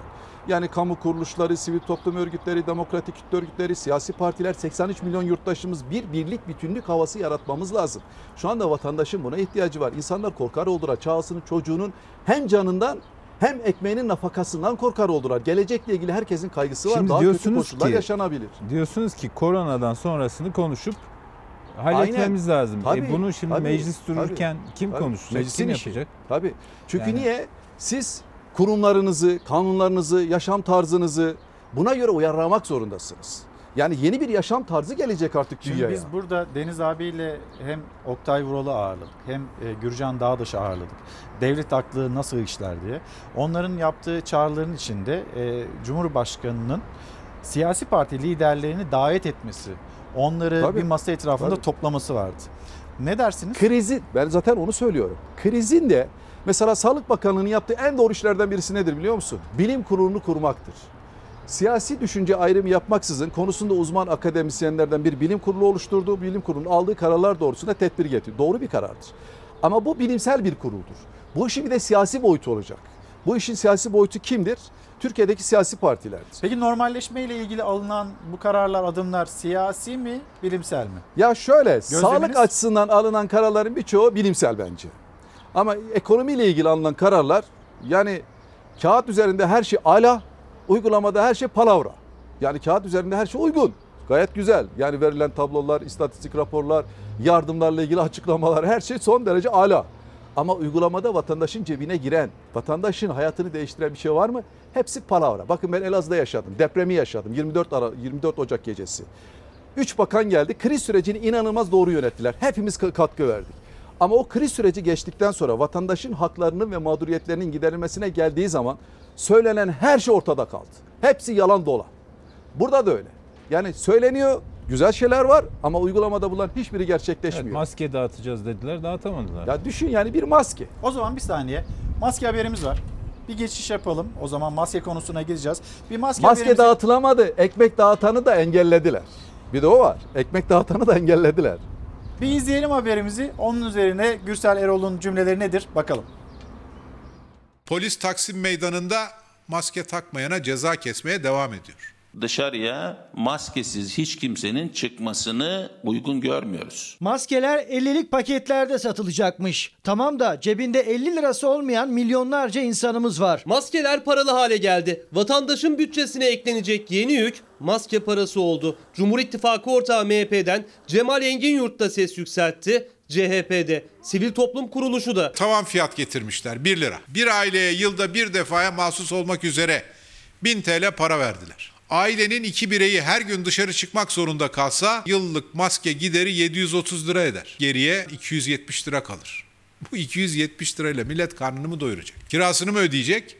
Elektrik faturasını mı verecek? İktidar maskeden kar elde edilmesini önlemelidir. Maskenin fiyatı maliyetine yani 25 kuruşa satışa sunulması uygun bir tarz olacak. 20 kuruşa mal edilen maske her yerde üst sınırdan 5 misli fiyata yani 1 liraya satılacak. 4 kişilik bir ailenin maske gideri 300 lirayı buluyor. Tanesi 1 liraya çıkarttılar. 50 TL demek ne demek yani? Bizim gibi çalışan askeri ücrete 2300 liraya çalışan insana ne demek yani? Tüketici Dernekleri Federasyonu maliyeti 20-25 kuruş olan maskelerin 1 lira tavan fiyatla satılacak olmasına itiraz etti. Yeni tavan fiyat istedi. Mayıs ayı açlık sınırı 2374 liraydı. Şimdi buna 300 lira maske parasının da eklenmesi gerekecek. Maske en fazla 50 kuruş olmalı. Tanzim satış mağazalarında patates soğan kuyruklarında milletimizi bekleten saray hükümeti bu salgında da milletimize 5 maskeyi dağıtamamıştır. Ticaret Bakanımıza sesleniyorum. Gelin bu paketler ilk gün itibarıyla onluk olarak satışa sunulsun. Zorlaştırmayalım, kolaylaştıralım. MHP'li Cemal Engin Yurt Ticaret Bakanı'na 50'likten çok onluk paketin vatandaş bütçesi için daha uygun olacağı çağrısını yaptı.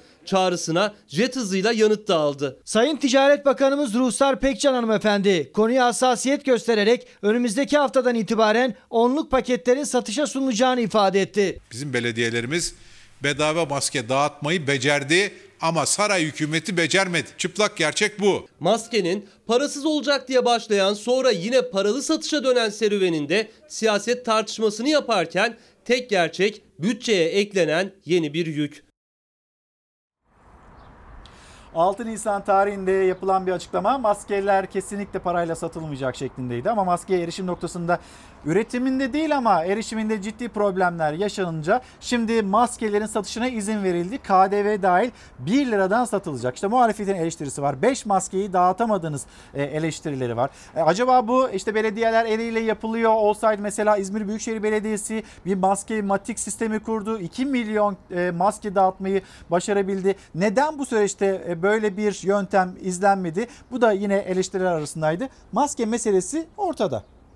Şimdi önce e, Deniz Bey'in sorusunu tam açıklayamadım. Oradan bir öneri getirmem lazım. Birincisi Türkiye Büyük Millet Meclisi acil olarak açılmalıdır. Niye? Türkiye'nin gözü mecliste. Yani Türkiye'deki kamu kuruluşları, sistem, Acil düzen... dediğiniz zaten şu anda açık olması gerekmiyor. Tabii tabii açılmalıdır yani açık değil ama açılmalıdır. Şu anda açık olmadığı için Yani açılmalıdır. Açık olması gerekiyor da onlar Tabii. kapattı. Yani Açılmalıdır, kapanması yanlıştır. Meclis açılmalıdır ve millete moral verecek kanunlar, düzenlemeler ve meclisteki çalışma tarzımız, söylemimizde milletin moralini yükseltecek tarzda olmalıdır. Bu bir. İkincisi Cumhuriyet Halk Partisi'nin bütün milletvekiller şu anda herkes kendi seçim bölgesinde. Ben sağlık sorunuyla gidemiyorum. Herkes kendi seçim bölgesinde ve vatandaşın içinde. Üç, Cumhuriyet Halk Partili bütün belediyeler sosyal belediyecilik anlayışıyla vatandaşların ve yaşadıkları sorumlu oldukları ilçelerin, beldelerin, illerin ihtiyaçları neyse gerçekten onları yerine getirmenin büyük mücadelesi içerisindeler. Şimdi maske konusuna gelince ya devlet bir bütündür. Yani devletin kamu kuruluşlarının kurumları vardır. İşte nedir? Bakanlıklar vardır, belediyeler vardır, başkanlıklar vardır. Anayasamız bütün kurumların yetkilerini yasalarla belirlemiştir. Yani herkes her bir kurumun kendine göre yetkileri vardır. Ve bu anlamda en yetkili e, kurumlardan birisi de belediyelerdir. Şimdi devlet bir bütünse ve vatandaş 83 milyon aynı kaygıyı, aynı korkuyu ve aynı ihtiyacı yaşıyorsa o zaman devlet bunun organizasyonunu yapmalıdır. Yani hükümet bu işten ben sorumluyum diyerek diğer kamu kuruluşlarını yani belediyeleri kendisinden olmayan belediyeleri görmezden gelemez. Çünkü şu anda vatandaşın her şeye ve herkese ihtiyacı var. Bir birlikteliğimize ihtiyacı var. İki, uzlaşma dilimize ihtiyacı var. Üç, gelecekle ilgili korkularını atacak bir söyleme ve bir dayanışmaya ihtiyacı var. Dört, günübirlik yaşamını devam ettirebilmek için işte dediğiniz gibi sağlık açısından maskeye, ihtiyaçlarını karşılamak için çocuğunun sütüne, evinin ekmeğine, yardım kolilerine, ekonomik olarak faturalarının ödenmesine, işte İstanbul Belediye'mizle Ankara Büyükşehir Belediye'miz başlattı. Faturalarının ödenmesine, doğalgazının, içme suyunun, elektrik faturalarının dayanışmaya ihtiyacı var Türkiye'nin. Ama bunu bir siyaset kurumu olarak üste yapmalıyız. Önce siyasi partiler olarak yapmalıyız ve Cumhurbaşkanı bunu önderlik yapmalıdır. Çünkü Cumhurbaşkanı bir hükümetin, bir devletin başıdır. Yani o başkanlık yapmalıdır. Arkasından parlamento çalışmalarıyla Türkiye'de bizden beklenen umut ve gelecek heyecanla ilgili sürece destek vermeliyiz. Ama parlamentodaki çalışmalarımız hükümet tarafından bir fırsata çevrilip yani Türkiye'nin antidemokratik uygulamalara geçişiyle ilgili, özgürlüklerin yasaklanması ile ilgili, işte barolar kanunun yeniden düzenlenmesi gibi bir takım kanunları da bir fırsata çevirmemek lazım. Belediyeler, belediyelerin çalışma disiplinleriyle ilgili e, cümleler kurdunuz. Ben e, yönetmenimiz Hüseyin'den bir rica edeyim. Bir Gün Gazetesi, Bir Gün Gazetesi'nden seçtiğimiz e, ikinci haber, ikinci başlık yurttaşa yardıma karşı ittifak kuruldu şeklinde. Ankara Büyükşehir Belediye Meclisi'nde başkana bütçenin %10'u kadar borçlanma yetkisi verilmesi teklifi AKP'li ve MHP'li üyeler tarafından engellendi. Şimdi haberde AKP'li ve MHP'li üyeler tarafından engellendi deniliyor ama MHP'li üyelerin buna itiraz var. Biz engellemedik. Biz onu e, e, ileri bir tarihe erteledik şeklinde. Şimdi bu haberin detayları var. Dün Ankara Büyükşehir Belediyesi'nde, belediye meclisinde ne yaşandı? Onu bir paylaşalım. Yani vatandaş, vatandaşın sağlığı ile ilgili ya da Ankara'daki esnaf, esnafın e, geçinebilmesi için, esnafın dükkanında çarkını döndürebilmesi için Nasıl bir borçlanma iste, e, istendi Mansur Yavaş tarafından? Karşılığı ne oldu? Hangi cümleler kuruldu? İzleyip dönelim. 13 ilçede bulunan toplum sağlığını tehdit eden mevcut asbestli boruların yenilenmesi amacıyla Zaten bu konu Temmuz'da görüşülecek bir konuydu. Diğer konuları erteleyip konuyu burada açmak çok da etik olmadı. peçetelerin hepsi ne için? Toplum sağlığı açısından değil mi? Sakarya suyunun tatların toplum sağlığıyla direkt alakası var. 25 milyon nüfusla alakası var Murat Bey. Bu acil Başkanım değilse ben ne başka bir acil? şey söylüyorum. Bütçeniz var. Kasada da paranız var. Allah muhtaç etmesin size diyeceğim bir şey yok arkadaşlar. Belediye meclis toplantısında MHP Grup Başkan Vekili Murat Ilıkan Mansur Yavaş'ı çileden çıkardı. Tartışma başta Polatlı olmak üzere bazı ilçelerin içme suyu borularının arıtma tesislerinin yenilenmesi projesi içindi. Polatlı kaç defa söyledik biz arızalardan bıktık. Eski hat sürekli şekilde patlıyor patlıyor arızaya gidiyoruz. Eğer patlarsa Gölbaşı'nın tumu tam bir ay susuz kalıyor. Mansur Yavaş'la Polatlı halkı da isyanda. Üstelik Polatlı Belediyesi MHP'de. Ama içme suyu ve arıtma tesisi projesi komisyondan da geçmesine rağmen Mansur Yavaş'ın istediği kredi talebi AK Parti ve MHP oylarıyla reddediliyor. Bu kez de gündeme alınması dahi engellendi. Ben ertelenmesini oyluyorum arkadaşlar. Ertelenmesini kabul edenler bana mı öğreteceksin olmaz ya? Fazla konuşuyorsun. Ertelemeyi oyluyorum. Talebin erteleme değil mi? İnsanlar daha ne kadar zehirli suyu içmeye devam edecek. Zaman zaman su sıkıntısı olunca İstanbul şehri de Sakarya su- suyundan bizim arıtılmamış karışık suyu içmek durumunda kalıyor. Al size 100 milyon daha para veriyoruz. Ya hala siz bunu kabul etmek istemiyorsunuz. O 100 milyonun kullanımı da tartışmalarla geçti belediye meclisinden. Yavaş %10 borçlanma yetkisi istedi ama o para da arıtma ya da boru yenileme için değil, koronavirüs salgınında esnafın ve ihtiyaç sahiplerinin kullanımı içindi zaten. Yavaş rakamı az buldu. Belediye başkanı farklı partiden diye mi düşünülüyor? Onu anlamak istiyorum. Neden 100 milyon? Kendilerine veren yetkileri maalesef istismar ederek hem devletimize karşı bir pozisyon oluşturmak hem de çeşitli şekillerde milletimizin gözünü boyamaya çalışmanın da elbet bir sonu olacaktır. Yani siz buraya şimdi olağanüstü gündemde sadece şu %10 limitini konuşmaya çıktınız. Sizin talimatınız doğrultusunda konuşacak değil. Evet.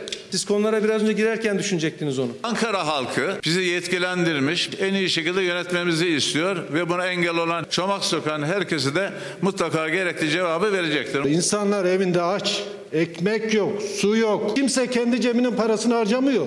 Herkes kamunun parasını harcıyor. Herkes akşam televizyonlarının karşısında Sağlık Bakanı Fahrettin Koca ne açıklayacak?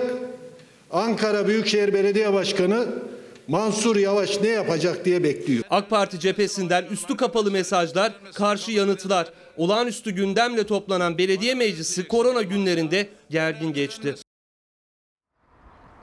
Bu süreçte sağlık için asbestli borular var. Bu boruların da yenilenmesini istedi Mansur Yavaş ama işte e, Milliyetçi Hareket Partisi meclisteki üyeleri biz bunu engellemedik, biz bunu erteledik dedi. İşte borçlanma isteği var. 100 milyonluk bir borçlanmaya izin verildi. Deniz abi ne dersin bu e, tartışmaya, dün akşam- yaşanılana? Ee, ben detaylarını akşam e, Fox Fox Haber'de izledim. Yani Fatih çünkü bayağı da şey yaptı, bekletti. Son en sonda şey yaptı. Sırf onun için sonuna kadar bekledik yani.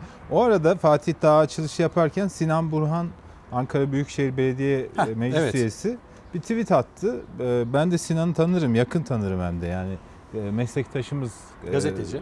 Kon TV'nin Ankara temsilcisiydi ve biz bir sürü aktivitede birlikte oluruz. Aslında e, köken olarak AK Partili de değil, Has Parti kökenli ve vicdanlı bir siyasetçi olması gerekirken e, ben de zaman zaman takılıyorum. Ne zaman şey yapacaksınız? Diyor ki ileri demokrasiye geçince belki falan. Yani haksızlık, Ankaralı'ya haksızlık, Polatlı'ya haksızlık. Yani e, o insanların kanser riskini göze alıp asbestli borularla su içmesine 25 milyon insan diyor mesela. Tabii tabii yani bu, bu vicdan meselesi. Bu siyasetin siyasete alet edilebilecek bir mesele değil. Yani e, vicdanınız varsa bu insanların sağlığını göz önünde bulundurursunuz. Ona göre tedbir alınmasını e, istersiniz. Ben yani şu şey yanlış. CHP yapıyorsa engelleyin. E, bu muhalefet partilerinin en büyük yanılgısıdır. Topal ördek bakış açısı. mı Tabii yani? tabii yani e, iktidar için de yani AK Parti iyi bir şey yaptığında işte muhalefette onu kötülüyorsa eğer o da aynı mantıkla yapıyordur. Ama şu anda yerel yönetimlerin birçoğunda CHP ve İyi Parti Millet İttifakı e, iktidarda. Dolayısıyla onlar da aynı muhalefeti tekrarlıyorlar. E, ne yapacak Mansur Yavaş? O parayı alıp darbe mi yapacak yani? Belki buradan hani siyasetin bu darbe tartışmalarına da geçebiliriz. Yani e, kendisi başka şeylerde mi? Melih Gökçek Anka Parkı yaptı. 2 milyar lira para harcadı. Yani öyle bir şey mi yapacak? Adam diyor ki benim tek derdim Ankaralıları e, yani Ankara'da aç insan bırakmamak. işsiz insan bırakmamak. Ankaralı'yı mutlu etmek, karnını doyurmak diyor. Toplum sağlığı ile ilgili endişeleri, kaygıları, altyapı sorunlarını gidermek. Tabii yani bütün projelerimizi iptal ettik, durdurduk diyor. Bunun için çalışıyoruz diyor. Yani e, bu adamdan ne niye böyle bir tedirginlik duyarsınız? Şimdi niye bu böyle- sürece de baktığımızda hani e, kim ön planda gidiyor diye sorulsa kuşkusuz herkesin Valla işte aklına bir anket var ortada. Bu süreci en iyi kim yönetiyor? Birinci sırada e, Mansur Yavaş çıkmış. ikinci sırada Tayyip Erdoğan çıkmış. Yani e, bunun da bir şey olabilir. Yani e, bu bunu Mansur Yavaş'ın yükselişini engelleme çabası da olabilir. Yani elini kolunu bağlarsın, vatandaş hizmet bekler. Sen e, o hizmeti elin kolun bağlı Ama şimdi belediye meclisleri canlı yayınlandığı için oradaki tartışmaların nasıl olduğunu, hangi cümleler kurulduğunu e, bütün herkes Valla vatandaşın ben Sinan izleme imkanı Sinan oluyor. arkadaşım mesela e, AK Parti meclis üyesi buradan sesleniyorum. Yayından sonra biliyorum Fox TV izlediğini. Uyanıksa eğer şu anda akşam izliyordur. izliyordur, şimdi de izliyordur. E, ya biraz elini vicdanına koysun. e, düşünsün azıcık. Vicdanıyla e, bu mesele hakkında bize bir açıklama yapsın. Şimdi e, buradan hani darbe konusu dediniz, e, Deniz abi de söyledi. Buraya bir geçiş yapalım. E, bugünkü buluşmamızın da son başlığı bu olsun. Yani böyle bir tartışma var. Ekonomi, ekonomi, işte vatandaş, esnaf, enflasyon, işsizlik. Hani bunları konuşmamız Bunları gerekirken Yani siz mesela Özgür Özel de aynısını yaptı. Bürokratları eleştirirken yani devlet devlet adamlığından bahsediyorsunuz. Bürokratların nasıl olması gerektiğini söylüyorsunuz. Burada bahsettiğiniz devletten bahsederken darbeyi mi ima ediyorsunuz mesela? Olur mu öyle şey canım? Özgür Devlet Özel'e- hepimizin devleti. Böyle bir şey Özgür. Özel'e de onu ima ettiler. Özgür. Özel'in de İstanbul İl Başkanımızın da açıklamasını darbeyle örtüştürerek yorumlamak, siyasi bir uslup haline dönüştürmek deli saçmasıdır. Bakın şimdi ben size geç- e, yakın tarihimizden iki tane örnek vereceğim. Birisi 1980 darbesi gerçekleşmiştir. Diğer 15 Temmuz darbe girişimi. İkisinin örneğini vereceğim. 1980 darbesini yapan kişi kim? Kenan Evren. Peki Kenan Evren'i Kara Kuvvetleri Komutanı ve Genelkurmay Başkanı yapan kim? Bülent Ecevit ve Süleyman Demirel'in anlaşmasıyla gelmiştir. Yani şunu anlatmak istiyorum. Darbe yapan kadrolar iktidarların gücünü kullanırlar ama iktidarların zayıfiyetini gördükleri anda darbe yapar ve girişimde bulunurlar. Şimdi dönelim 15 Temmuz'a. 15 Temmuz'da darbe girişiminde bulunan 300, o Türk Silahlı Kuvvetleri'nin toplam 358 generali var. 358 generalin 151 generali darbe girişiminde bulunmuştur. Ama personelinin yalnızca yüzde bir buçuğu darbe girişiminde bulunmuştur Türk Silahlı Kuvvetleri'nin. Peki bu 151 generalin askeri şuradaki atamasını gündeme getirip onaylayan kim? Bugünkü iktidar. Bakın 81 ilin emniyet müdürünün 70'in üstündeki il emniyet müdürü FETÖ terör örgütü mensubu olmaktan görevden alındılar ve tutuklandılar. 33 bin emniyet güçlerindeki polisler açığa alındı ve 3 bine yakını tutuklandı. 4 bin yargı mensubu, hakimler, savcılar açığa alındı ve içinde tutuklananlar var. Eski Yargıtay üyeleri, Danıştay üyeleri, Sayıştay üyeleri, Anayasa Mahkemesi üyeleri. Bunları kim atadı? Bunları CHP mi atadı? Bunları atayan bugünkü iktidar. Yani sen devleti yönetmekte aciz davranmışsın. Bu adamların devletin bütün kodlarına kadar girmesine imkan tanımışsın bilerek bilmeyerek. Bak bilerek bilmeyerek hiç önemli değil. Ondan sonra senin zafiyetinden yaralanarak darbe girişiminde bulunmuş ki 15 Temmuz hain bir FETÖ darbe girişimidir. Darbe girişiminde bulunmuş. Sen bu sürecin muhasebesini yapmıyorsun. Yani Özgür Özel'le İstanbul İl Başkanımızın kalkmasının açıklamasından darbeyle ilgili söylem çıkarıyorsun. Bakın İlker Bey, Deniz Bey. Türkiye'de gerçekleşen darbelerde en fazla siyasal kimliği soldan olan ve ülkücü olanlar zarar görmüştür. Yani bütün darbelerden solcular ve ülkücüler zarar görmüştür. Tutuklanmışlardır, idam edilmişlerdir, cezaevlerinde işkence görmüşlerdir. Ama darbe söylemini geliştiren insanların hiçbirinin ailesinden dahi darbeden bir zarar görmemişlerdir. Geçmiş arşivleri bir araştırın. Bugün yönetimde olanların birçoğu geçmişte Kenan Evren gibi vatan hainliği yapan, darbe girişiminde bulunmak ve yapmak vatan hainliğidir. O vatan hainleriyle boy boy resimler vermişlerdir. Şimdi bu darbe konusunu falan getirip Türkiye'nin yeniden gündemine sokmanın hiçbir anlamı yok. Ya şu anda Türkiye'nin umuda ihtiyacı var. İnsanlar aç, ekmeğe ihtiyacı var, yaşamlarıyla ilgili kaygıları var, geçimleriyle ilgili kaygıları var. Sistemin yeniden revize edilmesiyle ilgili bizim sorumluluklarımız var. Deniz Bey'in dediği gibi meclisin açılması lazım. Dünyada değişen yeni sürece göre yeni kanunlara, yeni revizyonlara ihtiyaç var. Biz bunları konuşmalıyız. Biz bunları gündeme getirmeliyiz. Yani şimdi darbe var yok. Devletsin kardeşim. Şu anda devlet değil misin? Sen yöneten sen değil misin? Hükümet değil misin? Eğer böyle bir iddia varsa darbeyi kim yapacak? Çankaya Belediyesi'nin ve Ankara Büyükşehir Belediyesi'nin zabıtası yapmaz. Yapacak kurum kimdir? Elinde silah olan kurumdur. Türk Silahlı Kuvvetleri'dir. Bak bakayım orada gerçekten FETÖ'cüler kalmış mı? Araştır. Var mı? Darbe yapacak bir güç hala var mı? Devamlılığı var mı? Gereğini yap. Milli istihbaratta var mı? Emniyette var mı? Yani silah elinde kimin varsa, tankı topu kimin varsa onun darbe yapma şansı var. Geçmiş tarihimizde bunun örnekleri var. Sen yani bunu gelip de bir e, il başkanının veya bir grup başkan vekilinin söylemleriyle Türkiye'de gündem değiştirmenin, gerilim ve karşıtlık üzerinden gündem yaratmanın bir anlamı yok. Ya yazık yine fakir fukara çaresiz günde yüzlerce insan bizi arıyorlar, ekmek istiyorlar, iş istiyorlar. Umut, umut, umut. Şu anda Türkiye'nin buna ihtiyacı var. Bu umudu gerçekleştirecek olacak da devletin başındaki kişidir. Sayın Cumhurbaşkanı'dır. En kısa sürede meclis açılmalıdır. En kısa sürede Sayın Cumhurbaşkanı bütün siyasi parti genel başkanlarını toplantıya çağırmalıdır. Türkiye'nin sosyolojik yapısı, sosyal politikaları, ekonomik durumu, istihdam politikaları, işsizliği, korona süreci bunlarla ilgili bir toplantı yapmalı. Ortak aklı ve devlet aklını bu ülkede uygulamalıyız. Yoksa korona süreci ve korona süreci e, hastalığı sürecinden sonraki süreç kimsenin siyasi tercihine göre, kimsenin partisine göre şekillenmeyecek. Hepimiz zarar göreceğiz. Zarar görmemek için devlet aklına, birliğe ve beraberliğe ihtiyacımız var. Bu da e, son cümle Gürsel Erol'dan. Deniz abi son cümlen. Valla Katılıyorum. katılıyorum yani gerçekten. Ayrıca Biz yarın Pardon, özür siyasetçiler, dilerim. siyasetçilerle genelde aynı fikirde olmam ama söylediklerinizin hepsi doğru. Efendim Ee, çok teşekkür ediyoruz. Yarın anneler günü. Evet, Buradan buyurun. anneler günü de kutlayalım öyle veda edelim. Evet ben, Herkesin ben anneler bugün günü kutlu olsun. yazımda kutladım ee, anneler günü. Yarın, Yarın yazı- sabah da Evet. gideceksin. Evet Değil mi? evet evet. İnşallah bir aksilik çıkmazsa ziyaret edeceğim.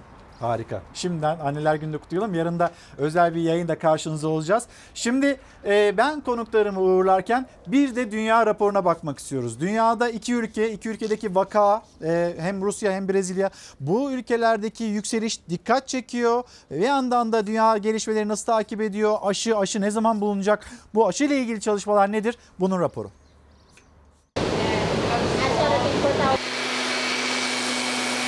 Devlet başkanı koronavirüsü önemsemedi. Brezilya salgının Güney Amerika'daki merkezi oldu. Neredeyse her konuşmasında Çin'i suçlayan ABD Başkanı Trump ağız değiştirdi. Bu kez de Pekin'in virüsü bilerek yaymadığını söyledi. Dünyada bir numaralı gündem 270 binden fazla kişinin ölümüne yol açan 4 milyon kişinin enfekte olduğu Covid-19 ve normalleşme çabaları. Birçok ülke önlemleri kademeli olarak gevşetirken Rusya ve Brezilya için tehlike çanları çalıyor. İki ülkede vaka sayıları ve ölümler hızla artmaya başladı. Rusya Covid-19'la Şubat ayı ortalarında tanıştı. İlk haftalarda virüsün yayılma hızı yavaştı. Mart sonunda süreç hızlandı. Son 6 günde ise adeta kontrolden çıktı. Günlük vaka sayısı 10 binin altına düşmezken Rusya dünyada en fazla vakanın görüldüğü 5. ülke oldu. Ülkede son 24 saatte 98 kişi daha hayatını kaybetti. Toplam ölü sayısı 1723'e yükseldi. Hastalığın hızla yayıldığı bir diğer ülkede Brezilya. Devlet Başkanı Bolsonaro'nun Covid-19'u önemsememesi ve küçük bir grip diye geçiştirmesi pahalıya patladı. Ülkede virüs nedeniyle ölenlerin sayısı 10 bin 17 kişi oldu. Vaka sayısı 146 bini geçti. Vaka sayısının 1,5 milyona ilerlediği ABD'de son rakam 1 milyon 375 bin 852. Hayatını kaybedenlerin sayısı ise 78 bin 563'e ulaştı. Tıpkı Brezilya lideri gibi virüsü ilk günlerde küçümseyen Başkan Trump bugünlerde hayli endişeli. Amerika liderinin yaverlerinden biri Covid-19'a yakalandı. Trump ve yardımcısı Pence yapılan testler negatif çıkarken iki isim de bundan sonra her gün test yaptıracaklarını açıkladı. Bir dediği bir dediğini tutmayan ABD Başkanı Trump, Çin konusunda bir kez daha ağız değiştirdi. Hemen her konuşmasında Pekin'i virüsü yaymakla suçlayan Trump geri adım attı. Amerika lideri Çin'in virüsü bilerek dünyaya salmadığını söyledi. ABD'de işler ekonomik anlamda yolunda gitmiyor. Salgının merkez üssü olan Amerika'da işsiz sayısı 33 milyonu geçti. Gazete Pencere, Gazete Pencere'nin manşeti en hızlısı Türkiye. Salgınla mücadele eden uzak doğu ülkeleri Türkiye'ye göre daha temkinli vaka sayılarını Türkiye ile kıyaslanamayacak düzeyde düşüren Japonya ve Avustralya Türkiye'den çok sonra normalleşecek. Japonya'da son açıklanan vaka sayısı 95, koronadan hayatını kaybedenlerin sayısı ise 570. Japonya hükümeti halen uyguladığı OHAL yönetimini 31 Mayıs tarihine kadar devam ettirme kararı aldı. Avustralya'da günlük vaka sayısı 20'lere indi. Toplam hayatını kaybedenlerin sayısı ise 97. Buna rağmen hükümet normalleşme için Temmuz sonunu işaret ediyor. Avustralya'daki tablo böyle, Japonya'daki tabloyu yine e, dillendiriyor. Gazete Pencere Fransa'da vaka sayısı 600 normalleşmenin 11 Mayıs tarihinde gerçekleşeceği bir diğer e, verilen bilgi. Güney Kore'de vaka sayısı e, 12 Normalleşme tarihi 13 Mayıs. Çin'de vaka sayısı 1. Normalleşme işte 7 Mayıs tarihi itibariyle onlar normalleşme sürecine geçtiler. Gazete Pencere bu değerlendirmeyi, derlemeyi yapmış. Yeni Zelanda'da vaka sayısı 1. Normalleşmenin tarihi de 11 Mayıs. Yani bizde vaka sayısı binlerle ifade ediliyor. Ama biz nasıl oluyor da diğer ülkeler gibi, uzak doğu ülkeleri gibi yani salgının çıkış noktasında olan ülkeler gibi nasıl biz de 11 Mayıs tarihini işaretledik ve normal normalleşme sürecine buradan başladık. Bunun eleştirileri yine devam etmekte. Sizlerden çok sayıda mesaj geliyor büyüklerimizden. Heyecanlısınız. 65 yaş üstü büyüklerimiz saatler 11'i gösterdiğinde yarın dışarı çıkabilecekler. Kendilerine böyle bir serbestlik tanındı. Kısıtlama onlar için 4 saatliğine kalkıyor olacak ya da yasaklama. Şimdi Dışarı çıkacaksınız. Dışarı çıktığınızda kuşkusuz yanınızda olması gereken en önemli şey maske ve bir yandan da sosyal mesafeye dikkat etmeniz gerekiyor. Haklısınız, sıkıldınız, ve haklısınız. Bir yandan da sağlık problemleri yaşamamanız için dışarıda olmanız, temiz bir hava almanız gerekiyor. Ama tedbiri de elden bırakmayacağız. Çok şükür. Ben iki aydır çıkmadım. Hiç çıkmadım dışarı. İlk defa bugün çıktım ha şimdi. Onda da rastladık sizle. Evdesiniz. Evdeyim evde. Pazar günü ne yapacaksınız? Pazar günü çıkacağız. Biraz dolaşırız. Geliyor saat 3'te. E, çıkacağım. Kadıköy'e doğru hiç çıkmadım da. Böyle işte kıs- kısa mesafe çok mecbur olmayınca çıkmıyorum. 65 yaş üstü evlerde, boş sokaklarda dolaşmak için pazar gününü sokağa çıkma yasağını bekliyorlar. En önemli uyarı çıktıklarında mutlaka maske takmaları gerektiği yönünde. Elinizde maskeniz var mı yeteri kadar? Yok. Kaç tane maskeniz var? Benim hiç yok. Birer tane bir adama bir benim onu da kızım verdi. 82 yaşındaki Neriman Ersan evinin karşısındaki bankta otururken maskesini takmayı ihmal etmedi ve elinde son bir maskesi kaldı. O da kızının getirdiği. Cumhurbaşkanlığının beşli pakette gönderdiği maskeleri markete, bakkala ya da kapılarının önüne çıkarken tüketti 65 yaş üstü. Eczanelerden maske satışı başlanacağı açıklandı ancak maskeler henüz tüm eczanelere ulaşmadı. Maske satışı şu an için gelmedi. Maske satışı başladı mı? Yok başladı. Bir tek sizde bulduk. Birçok eczaneye henüz ulaşmamış. Daha dün dağıtıldı. Dün depodan haberim geldi. Ben siparişini verdim. Sabah malımız geldi. Zaten yeni başladık. İşte 1-2 saattir satışımız var. Aldınız maskelerinizi. Aldım. Ne kadar aldınız? 1 lira. 1 lira kaç tane? Hem de ıı, daha iyi yani. Ee, daha önce verdikleri Sağlık Bakanlığı'nınkinden daha iyi. Bunlarda tel yok mesela. Bunlar telli. Bunlar bize e, gelişi şu an 83 kuruştan geldi bize. maskenin tek başına yeterli olmayacağını bilmeliyiz. Maske ve sosyal mesa- mesafe birbirlerini tamamlayan iki tedbirdir. Tedbirlerden biri eksikse diğeri yetersiz kalabilir. Eşini, dostunu, yakınını özledi 65 yaş üstündekiler. Ancak sağlıklarını korumak için en önemli kurallardan biri de sosyal mesafe ve o mesafenin en az bu kadar bir metre olması gerekiyor. Hatta eğer mümkünse bir buçuk metreden sohbet etmek gerekiyor. Yani bu şekilde.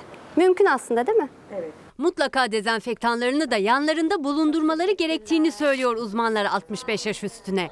Dışarıda bir yere dokunmamalı, ellerini kesinlikle yüzlerine götürmemeliler. yürüme mesafesiyle tahtitli olarak dışarı çıkabilme imkanı getiriyoruz. Bilim kurulu ise 65 yaş üstüne kısa yürüyüşleri önerdi. Güvenlik konusuna da dikkat çekildi. Sokağa çıkma yasağı olsa da gasp ve hırsızlık vakalarına karşı ıssız bölgelerde dolaşmama, evden uzaklaşmama tavsiyesinde bulunuldu. Ve yine aman dikkat, aman tedbir elden bırakılmadığımız, bırakılmasın dediğimiz bir adres. Semt pazarları.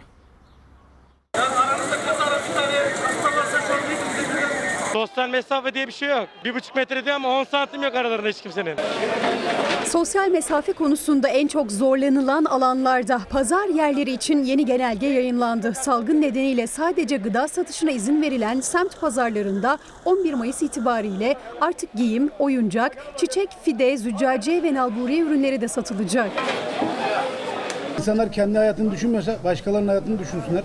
Eldivensiz maskesiz pazara gelmesinler. Yani bu hepimize zararı var bu işlerin. Bilim Kurulu önermişti pazarlarda zaruri olmayan ihtiyaç malzemelerinin satışının yasaklanmasını. Yasak kabine toplantısında bir kez daha değerlendirildi ve belli kurallar çerçevesinde esnekliğe gidildi. Sosyal mesafeyi koruyalım, yapmayalım.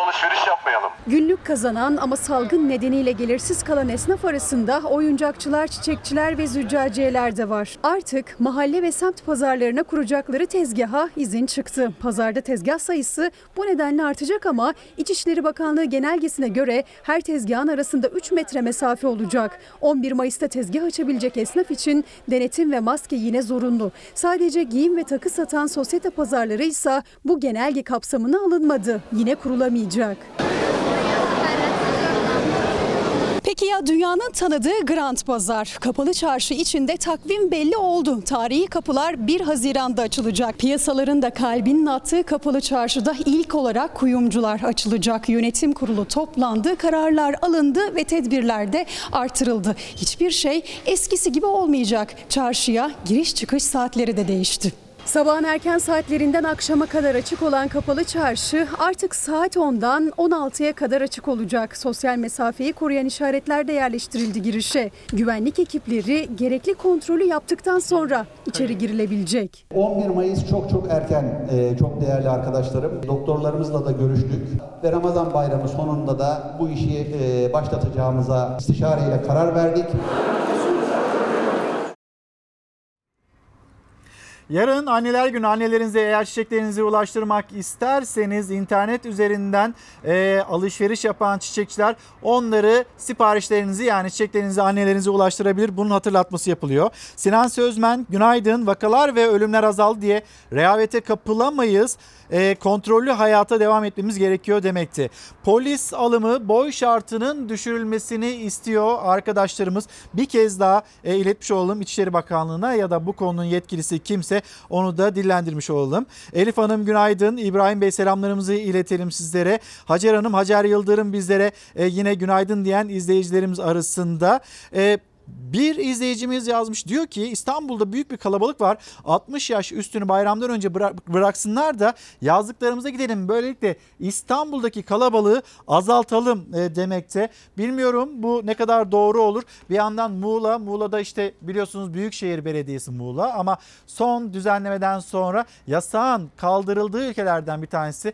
Sadece Bodrum'a dün giriş yapan araç sayısının 35 bin olduğu bilgisi var. Dolayısıyla e, yani büyük kentlerden Bodrum'a tatil beldelerine böyle bir göç orada bir salgın ve o salgın sonrasında o ilçelerin e, sağlık altyapısının ya da hastane altyapısının ne kadar yeterli olduğu bir başka tartışma konusu. O yüzden buna ne kadar müsaade edilir açıkçası bilemiyorum Hacer Hanım.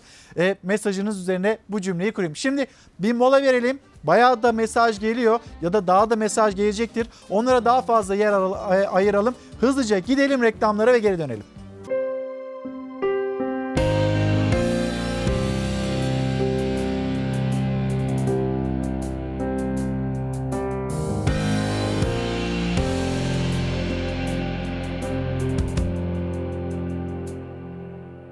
Alışıyorum bu yeni ve farklı dünya düzenine. Evimde kalmayı başarıyorum. Geçecek bu günler sabırlı olursak eğer Sana söz gelecek güzel günler Yeniden geleceğiz bir araya sokaklarda Çalacak ziller okullarda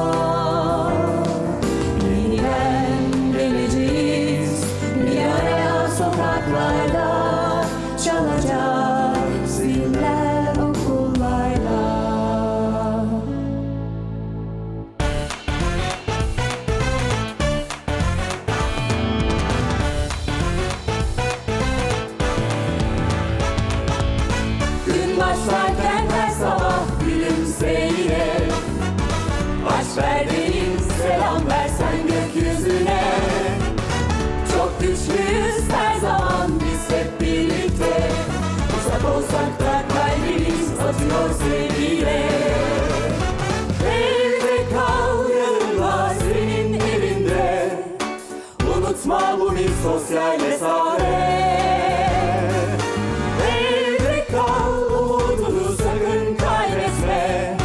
Bitecek bu özlem merak etme. Gün başlarken her sabah gülümseyle Aç ver beni selam versen gökyüzüne. Çok güçlüyüz her zaman biz hep birlikte Uzak olsak da kalbimiz atıyor sevgiyle Uzak olsak da kalbimiz Uzak olsak da kalbimiz Uzak olsak da kalbimiz atıyor sevgiyle Çocuklarımızdan, öğretmenlerimden, öğretmenlerimizden gelen mesaj bu. Evde kal Türkiye diye. Yani bir yandan normalleşiyoruz ama diğer yandan da tedbiri asla elden bırakmamamız gerekiyor. Çok sayıda mesaj geliyor. Dün İstanbul'da semt pazarında kimse ne sosyal mesafeye dikkat etti, ne maske vardı insanların yüzünde. Daha da önemlisi bunu denetleyen kimse de yoktu. İşte bu mesajlar geliyor. Sağlık Bakanımızdan bir de hamilelere 1-2 saat hafta sonu yürüyüş izni istesek sahil kenarında AVM'lerde yürüyüş yapmak istemiyoruz demekte gelen bir mesaj. Baktım ama ismini de göremedim. Bir rumuz e, şeklinde gönderilmiş.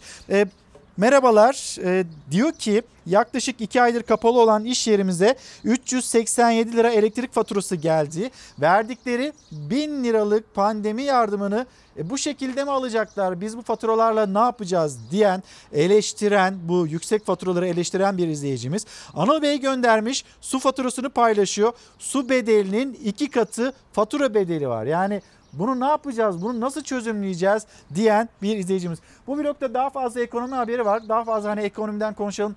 İşsizlikten, e, enflasyon rakamlarından bunlardan konuşalım istiyoruz. Amerika Birleşik Devletleri'nde işsizlik Geçtiğimiz aylara baktığımızda %4 seviyesindeydi. Şimdi %14'lerde 30 milyona yakın işsiz olduğu bildiriliyor. Amerika Birleşik Devletleri'nde bütün dünyada bir işsizlik ve ekonomik sıkıntı, kriz yaşanıyor.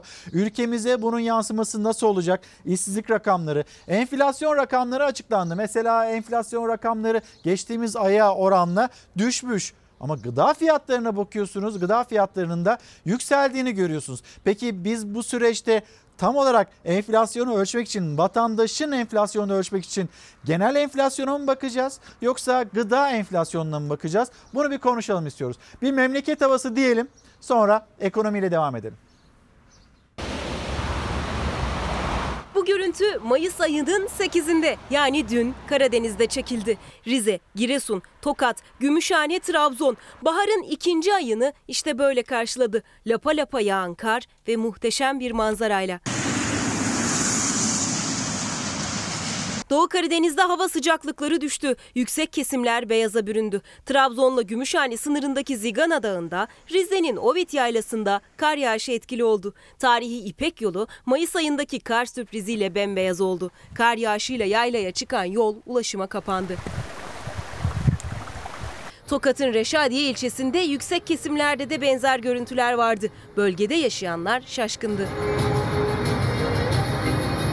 Karadeniz'de yüksek bölgelerde hafta sonu da etkili olacak kar yağışı. Meteoroloji Genel Müdürlüğü'nün açıklamasına göre hava sıcaklığının mevsim normalleri altında seyredeceği Doğu Anadolu bölgesinde öğle saatlerinden sonra gök gürültülü sağanak yağış bekleniyor. Hava sıcaklığı kuzeydoğu kesimlerde 2 ila 4 derece azalacak. Meteoroloji Erzincan, Tunceli ile zamanla Erzurum, Bingöl, Elazığ, Kars ve Ardahan çevrelerinde kuvvetli sağanak uyarısında bulundu.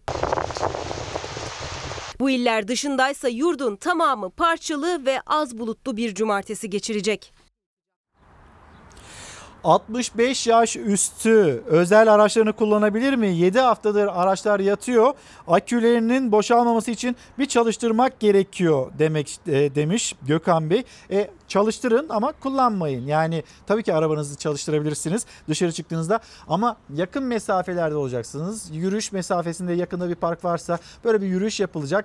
Yarın saatler 11'i gösterdiğinde 65 yaş üstü için böyle bir düzenleme yapıldı. Şimdi bir mesaj az önce su faturasından bahsetmiştik. Nisan ayında 700 lira fatura geldi. Bu elektrik faturası daha su faturası gelmedi diyen bir izleyicimiz. Bakalım bir Karar Gazetesi'ne. Karar Gazetesi siyasetin güncel hani siyasetin güncel tartışmalarına da e, bakmakta.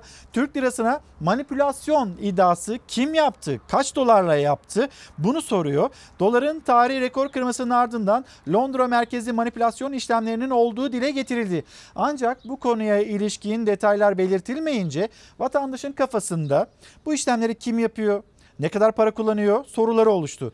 Türk lirasının erimesine gerekçe gösterilen sürece ilişkin net bir açıklama yapılmasına yönelik de beklentinin arttığı e, yine Karar Gazetesi'nde yer almakta. Sözcü Gazetesi, Sözcü Gazetesi'nin ikinci detayını paylaşacağım sizlerle. Şaşırtan iki uygulama. Virüs salgınına karşı alınan bazı önlemler tezat yaratıyor. Bir, AVM'de dolaşmak serbest, sahilde dolaşmak yasak ya az önce bir izleyicimiz de hamileler için pozitif bir ayrımcılık e, yapılamaz mı? Sahil kenarında böyle bir düzenleme, böyle bir izin nefes almamız e, gerekiyor. Böyle bir isteğimiz var. Olamaz mı demekte? Bilmem belki de olabilir yetkililer sizin sesinizi duyar böyle bir adım atarlar. İki, Beyoğlu'nda maskesiz gezmek yasak. Şişli'de serbest yani maskesiz gezmek yasaksa sadece Beyoğlu'nda değil İstiklal Caddesi'nde değil aslında pek çok yerde böyle olması gerektiğine dikkat çekiyorlar.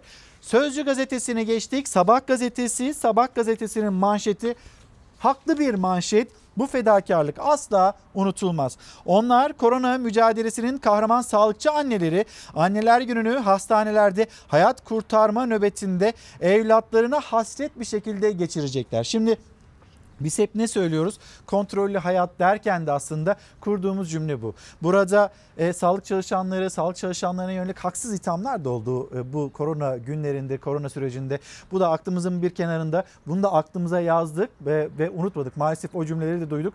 Ama sevdiklerinden, çocuklarından, ailelerinden uzakta, yoğun bakımlarda hemen her yerde, her noktada sağlık çalışanları büyük bir mücadelenin içindeler ve o büyük mücadele işte görüyorsunuz anneler günü bu büyük mücadeleyi verirken yarın çocukları çocuklarıyla kavuşmak isteyecekler fakat onlar bir başka e, yönüyle hayat kurtarma mücadelesinin de içinde olacaklar.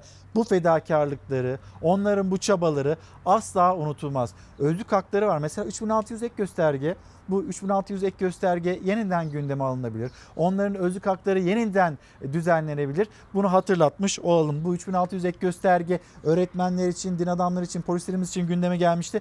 Neden şimdi dillendirilmiyor diyen e, izleyicilerimiz var. Onu da hatırlatmış olalım. Şimdi enflasyon rakamlarına bir bakmak istiyoruz. Enflasyon yüzde yıllık olarak yüzde 10.94 olarak e, açıklandı. Nisan ayında bir miktar bir artışlık e, da söylenmekte. Yıllık olarak düştüğünü söyleyeyim. Şimdi bu düşüşler nerede gerçekleşti?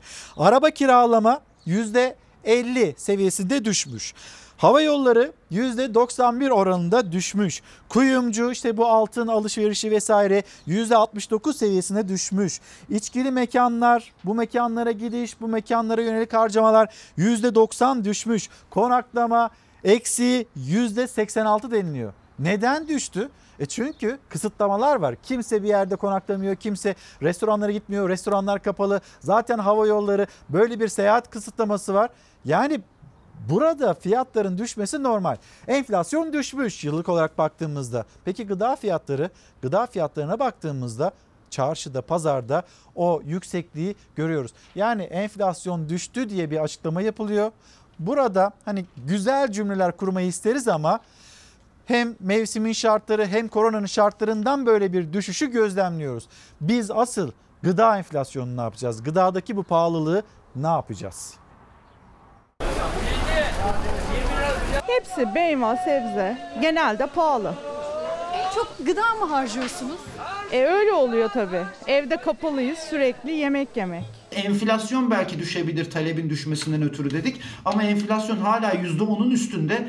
Öte yandan gıda gibi, sağlık gibi, haberleşme gibi bizim ana harcama kalemlerimizde ise fiyat artışları talebe bağlı olarak devam ediyor. Nisan ayı tüketici enflasyonu açıklandı. Aylık %0,85 arttı ama yıllık %10,94 ile geçen yıla göre düşmüş görünüyor enflasyon. Tüketicinin bugüne kadar hissedemiyoruz dediği TÜİK'in enflasyonu daha da hissizleşti. Çünkü TÜİK'in sepetiyle tüketicinin bu kez salgındaki sepeti arasındaki fark büyüdü. Tüketici sadece gıda ve sağlık harcaması yaptı ama TÜİK'in hesaplama sistemi her zamanki gibi işledi ve Nisan ayında da olmayan ulaşım ve eğlence fiyatlarındaki düşüşte yansıdı orana. Ulaştırma fiyatları düşmüş ama zaten kimse bir yere e, hareket etmiyor. Yani yine dönüp baktığımızda eğlence fiyatları e, bir önceki aya kadar o aya göre düşmüş durumda. Yani şu anda kimse sinemaya gitmiyor, maça gitmiyor. Yani dolayısıyla eğlence ve kültür temelli harcamalarımız yok. Şu an üç ana kalemde çok önemli harcamamız var. Gıda, sağlık ve haberleşme. Özellikle interneti çok yoğun kullanıyoruz. Enflasyonu hesaplarken kimin hesapladığına bağlı tabii. O biraz tartışmalı bir konu. Oraya TÜİK'e göre yıllık %10,94. E, ticaret odasına da bakmak lazım. Bakalım onlar ne yapıyor. Değil mi? Yani sadece TÜİK'e bakarak karar vermek doğru bir şey değil. TÜİK açıkladı yıllık enflasyon %10,94 ancak tüketici için TÜİK'in enflasyon sepetinde öne çıkan bazı kalemler var. Özellikle salgında gıda harcamaları arttı. Yine TÜİK'e göre gıda harcamalarındaki artış %11'i aşmış görünüyor. Yine bu salgın döneminde bir diğer önemli kalemse sağlık. Sağlıktaki artış da %9'u geçti. Ama her ikisinin TÜİK'in hesapladığı enflasyondaki toplam ağırlığı sadece %25. Yani aslında bizi şu anda belki %80-90 etkileyen kalemlerin e, fiyatlarındaki artış TÜİK'te %25'lik bir durumda. Bugün artık o e, fark çok daha net hissediliyor. Salgın döneminde sadece beslenme ile ilgili harcama yaptık. Sağlıklı beslenmeye çalıştınız. Tabii ki tabii, tabii. Biraz daha fahiş fiyatları oldu. Tüketilen mal en çok portakal, çilek. Peki bana portakal, bir kilo portakal kaç ne kaç tane portakal geliyor? 3 tane. Şimdi bu 3 portakalın fiyatı ne oldu? 8,5 lira. Nisan ayında fiyatı en fazla artan ürün %46 ile sarımsak. Onu %37 fiyat artışıyla kuru soğan izledi. Fiyatların yüksekliği terazinin tek kefesi değil. Bir de işsizlik ve kepenklerin inmesiyle gelirsizlik de dengeyi bozdu. Enflasyon geçen yıla göre düşmüş görünse de alım gücü de düştü. Sokağa çıkma yasağı olduğundan dolayı e, vatandaş çalışamıyor. Kaç lira bıraktınız diye soracağım pazara. 200. Celal Bey günaydın. Enflasyon düştü diyenler fırsattan istifade mi ediyorlar acaba? Zamları e, dikkat çekiyor. Derya Bey gerçek enflasyon pazarda, manavda, kasapta, markette TÜİK enflasyon düşürmekte uzmanlaştı demekti. Aslında enflasyon hani bu kalemlere baktığımızda gerçekten düştü. Çünkü kullanmıyoruz. Bizim e, tüketim alışkanlığımız değişti. Doktor e, Oğuz Demir, Oğuz Demir'in cümlelerine hak veriyorum. Herkes de aslında hak veriyor. Uçağa binmiyoruz, berbere gitmiyoruz, acil değilse bir kıyafet almıyoruz. Dolayısıyla bu kalemlerde bir düşüş olacak. Enflasyon sepetine baktığımızda bunların üzerinden de bir hesap var. Ama gıda enflasyonu yani Nisan ayında biz gıda, gıdadaki artışlar nedeniyle bayağı zorlandık. Dolayısıyla haklılık payı var. Bu kez düşmesinde haklılık payı var ama Gıda enflasyonu orası yükseliyor. Gülay Göktuman harcamalar ikiye katlandı. Gıda harcamaları özellikle ikiye katlandığını söyleyebiliriz. Hayat normale dönmeye başladı. Hemen akaryakıta zam yaptılar diyor Naci Bey, Naci Kıvrık. Bu daha çok galiba Naci abi e, bu hani dövizle alakalı, dolarla alakalı bir durum. Dolar yükseldikçe bu e, noktada da e, akaryakıta da zamlar gelmekte. Şimdi Abdullah Çerçi de Twitter üzerinden yazmış. 65 yaşlılar suçlu mu? 64 yaş seyahate özgür 65 yaş üstü yasak. Biz özel aracımızla evimize dönemiyoruz. Bari hani bir gün belirlensin. Yola çıkalım, evimize gidelim. Kendi karantinamızı evimizde sağlayalım. Bunu hatırlatıyor. Tolga Bey, Tolga Ergin Doğalgaz faturası 463 lira geldi bu ay. Ortalama alınacak demişlerdi. Sizce bu fatura nasıl bir ortalama? Şimdi böyle ortalamalar daha çok vatandaşlar şunu söylemeye çalışıyorlar.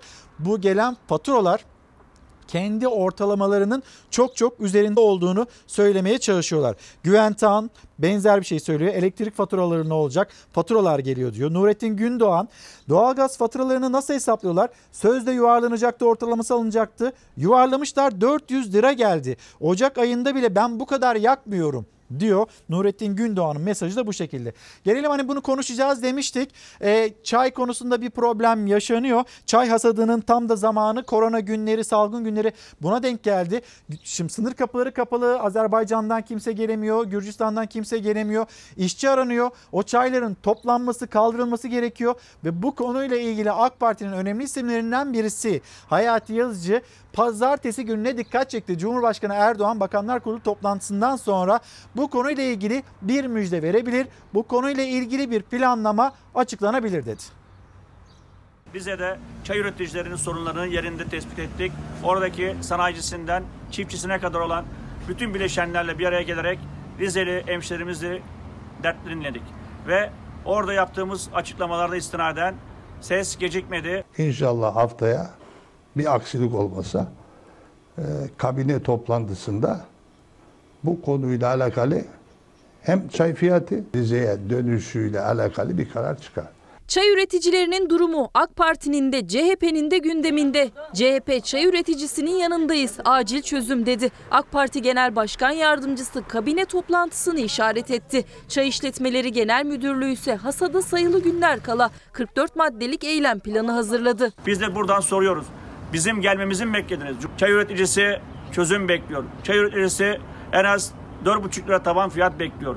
Yine çay üreticisi kontenjanın kaldırılmasını bekliyor. Bu hemşehrilerimizin e, Rize'ye gelememesi durumunda e, çay nasıl toplanacak? Bu tabii şu an en önemli konumuz. Büyük şehirlerden çay üretilen illere gelişlerle ilgili kısıtlama kararı tekrar gözden geçirilsin.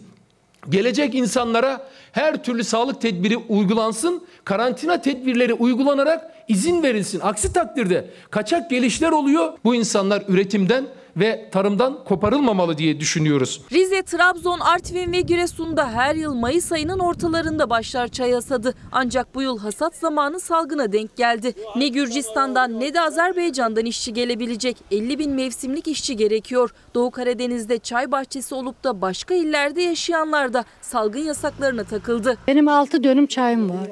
Toplayamıyorsunuz, işçi arıyorsunuz. İşçi arıyorum evet. Çayını İstanbul'dan gelerek, il dışından gelerek bizzat kendisi toplayan, çaylığa kendisi giren, kendisi olmadığı takdirde de çayının dalda kalma riski olan üreticilerimizle ilgili bir çözüm üretmeye çalışıyoruz. Bütün hemşehrilerimizin istifade edebileceği bir işçi havuzu oluşturmaya çalışıyoruz. Bu insanların sağlık taramaları yapılarak, gerekirse karantinaya alınarak bu insanların çay bahçeleriyle buluşması gerektiği yönünde bir düşünce ortaya koyduk. Hasada sayılı günler kala Çay İşletmeleri Genel Müdürlüğü acil eylem planı hazırladı. Üretimden nakliyeye kadar her adımda virüse karşı önlemler alındı. Geçtiğimiz yıllarda yığılmaların yaşandığı çay alımlarına da yeni bir düzenleme getirildi. AKP hü- hükümeti içerisinde dayısı olanlar ki üreticinin bana bizzat söylediği bir kelimedir bu. Sayın vekilim dayısı olanlar yol izni aldılar e, ve çay bahçeleriyle buluşabiliyorlar ama bizim dayımız olmadığı için biz yol izni alamıyoruz diyorlar. İnsanların ekmeğinde de partizanlık yapılıyorsa gerçekten durumumuz vahim demektir. Koronavirüs salgını nedeniyle Giresun, Trabzon, Rize ve Artvin illerinde yapılan çay hasadı bu yıl her zamankinden biraz farklı olacak. Bahçelerden toplanan yaş çay toplama merkezinde eksperler tarafından kontrol edilerek üreticiden randevu sistemiyle alınacak. Şimdilik eylem planında yer alan detaylarla ilgili bu kadarı biliniyor. Üreticinin gözü kulağı 44 maddede başka hangi çözümlerin yer aldığında. Mustafa Doğan diyor ki pazartesi ve cuma 5 gün bütün yasaklar kalkmalı ve isteyen köyüne, isteyen yazlığına, isteyen de memleketine gidebilmeli. Böyle bir teklifi var. Bunu bizimle paylaşmış. Kasım Bey yani bankalar öteleme yapacaktı. Biz bunu görmüyoruz. Maske deniliyor. Maskesiz sokakta gezmeyin. Sosyal mesafeye dikkat edin ama maskesiz de sokakta gezmeyin. Telkinler, tedbirler bu yönde. Ama maskeye hala ulaşamadık diyor. Dışarı çıkın, şunu yapmayın, bunu yapmayın cümlelerini kuruyorlar.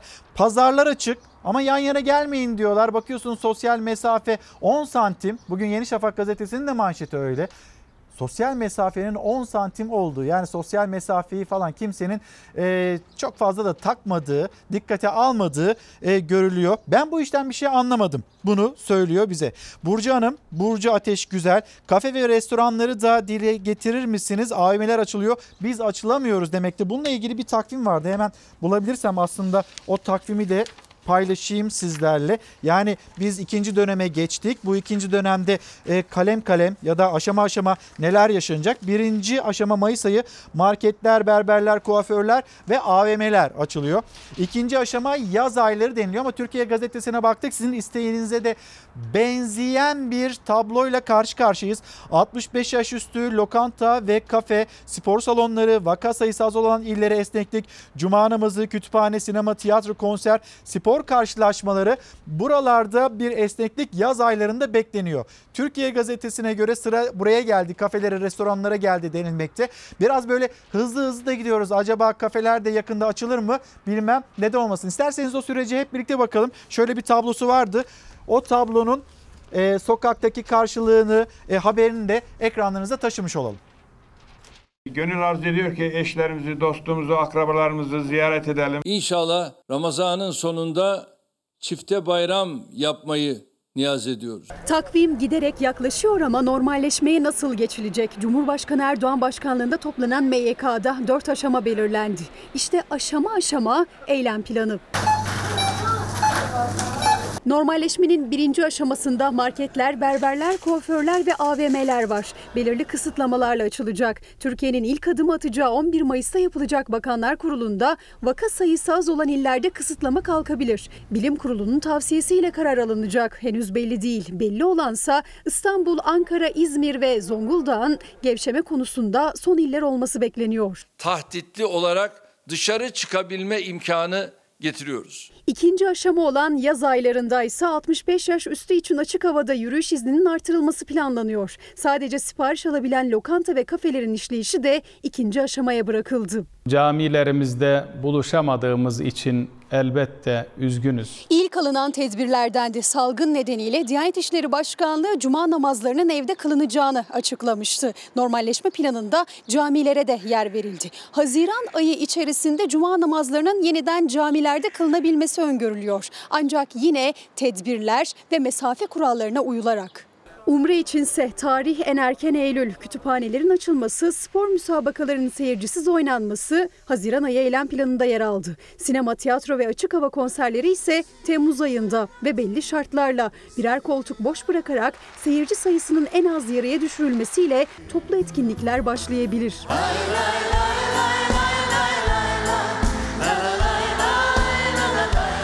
İşsizliğin en çok yaşandığı alanlardan biri ise spor salonları. Belirli kriterler oluşturulduktan sonra yaz döneminde mesaiye başlayabilirler.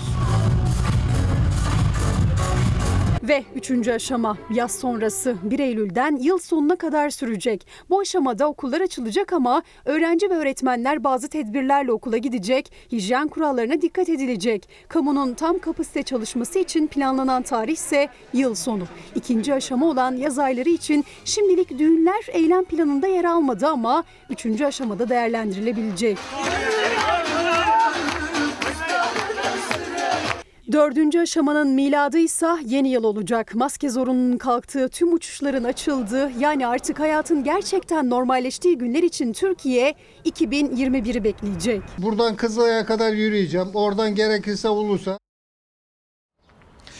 Sevgili arkadaşımız Neşe Özdemir bugün kendisinin doğum günü. Bugün doğum günü kutlayacak. Yarın anneler günü sevdikleriyle ve e, dünyalar tatlısı çocuklarıyla bu mutluluğu yaşayacak. Anne olmanın mutluluğunu yaşayacak bir yandan bir yandan doğum gününü kutlayacak. Biz de buradan şimdi Ankara'dan biz yayınımızı gerçekleştiriyoruz. Neşe de şu anda İstanbul'da rejide ona da sürpriz oldu. Doğum günü kutlu olsun Neşe. Selamlarımı iletiyorum şimdi sana.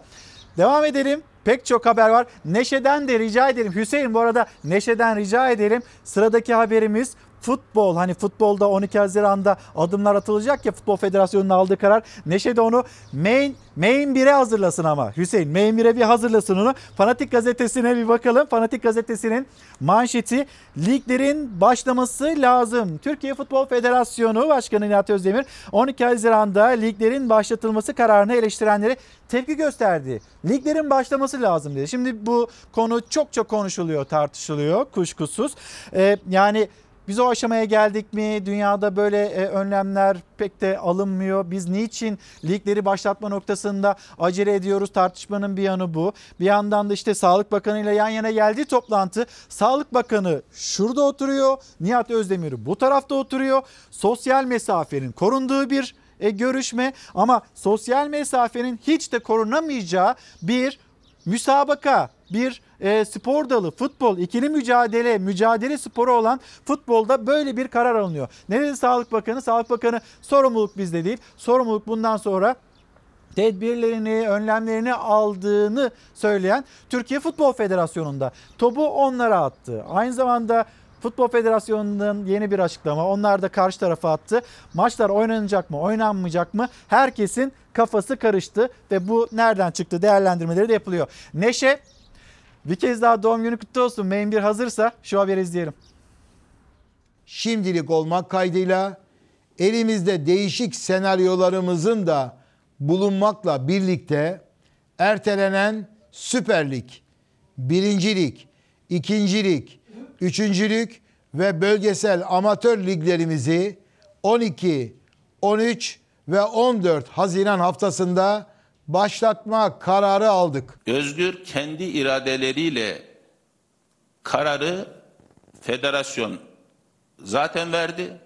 Dolayısıyla bundan sonraki sorumluluk da federasyonundur. Liglerin devamına karar verildi ancak hala akıllarda soru işaretleri var. Sağlık Bakanlığı kendi sorumluluklarında diyerek topu Türkiye Futbol Federasyonu'na atmıştı. Hatta Bakan Fahrettin Koca, Bilim Kurulu ve bakanlık olarak herhangi bir öneride bulunmayacaklarını vurgulamıştı. Federasyonsa topu Sağlık Bakanlığı'na geri yolladı. Biz futbol tabiriyle topu Sağlık Bakanlığı ve Bilim Kurulu'na attık. Alternatifli 10 senaryoyu da yazdık. Tedbirlerimizi de yazdık. Dedik ki kararımız budur. Bizim sağlık kurulumuzun aldığı tedbirler de bunlardır. Yeterli midir, değil midir? Yok yeterli değildir. Bu koşullarda maçlar oynanamaz derlerse biz de ona göre hareket ederiz. Federasyon Başkanı Nihat Özdemir gazeteci Murat Çelik'e yaptı bu açıklamaları. Yine de son sözün bakanlığa bırakıldığının mesajını verdi. Ama Fahrettin Koca'dan şimdilik olumlu bir açıklama gelmedi. Bakanlık olarak veya bilim kurulu olarak asla herhangi bir e, öneride ve yaklaşımda veya katkıda bulunmak istemediğimizi ifade etmiştim. Ve halen o noktadayız. Sağlık Bakanımız Nihat Bey'in açıkçası söylemlerinin doğru olmadığını söylüyor. Yani biz yalandan kıvırmayalım yani sonuçta. Türkiye Futbol Federasyonu'nun doğru hareket ettiğini düşünmüyorum açıkçası. 12 değil de 2 hafta daha atılabilip 12, 19, 26'sında başlanabilir. Yorumcu Rıdvan Dilmen bakanlık federasyon arasındaki görüş ayrılığını bu sözlerle anlattı. Liglerin başlama tarihi spor dünyasını ikiye böldü. İkinci ve üçüncü lig kulüpleri somut bir adım atarak federasyona liglerin bu şartlarda oynanmaması için başvuruda bulundu. Şu an maddi konuda da etkilendik. Bu bize bir mali külfet getiriyor. Bütün futbol takımları şu an koronavirüsten koronavirüsten dolayı maddi ve manevi etkilendiler. Kulüplerimizin bulunduğu bu borç batağından dolayı sürdürülebilirliği artırmak adına mutlak ve mutlak tabii ki devam edilmeli.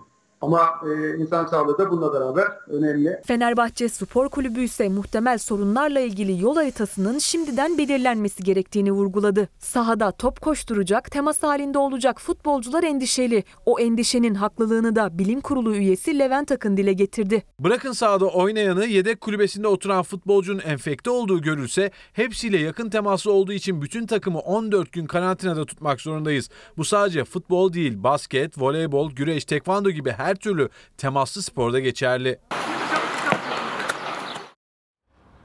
Sormuşsunuz 20 yaş altı onlar da yürüme mesafesinde olacak onu söyleyelim. Ve turizm, turizmin normalleşme planı.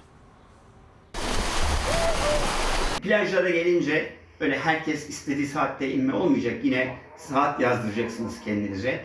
E, şezlonglar tıkış tıkış yan yana olmayacak. 3 metrekareye bir şezlong düzeni olacak. Plaja saatle ve planlı inilecek, şezlonglar arası sosyal mesafe olacak.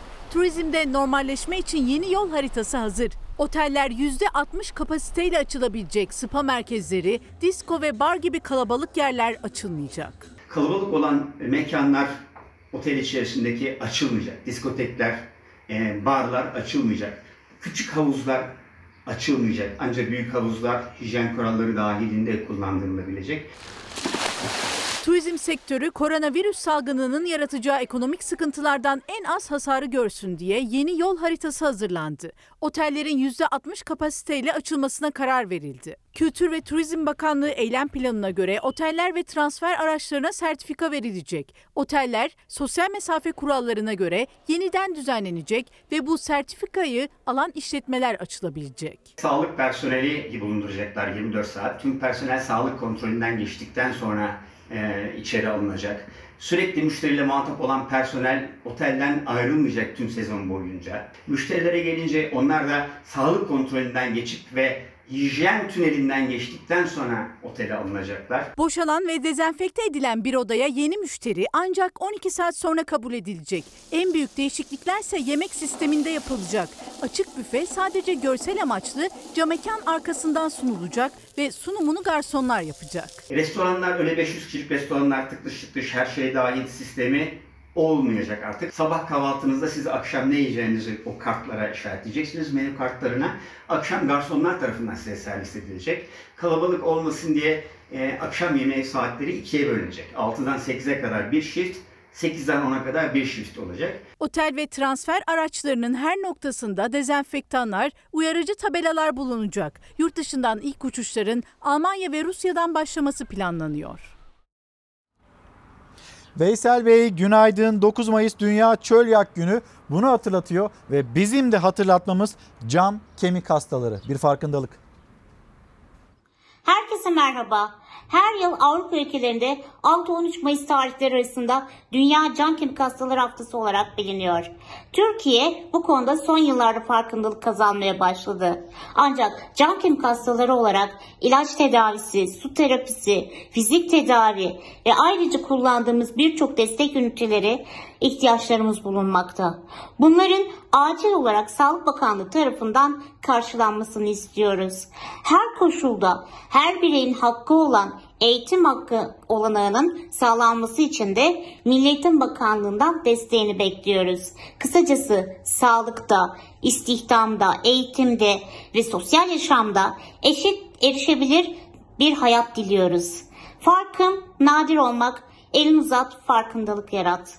Herkese iyi günler. Bir molamız var. Dönüşte bizi lütfen yalnız bırakmayın.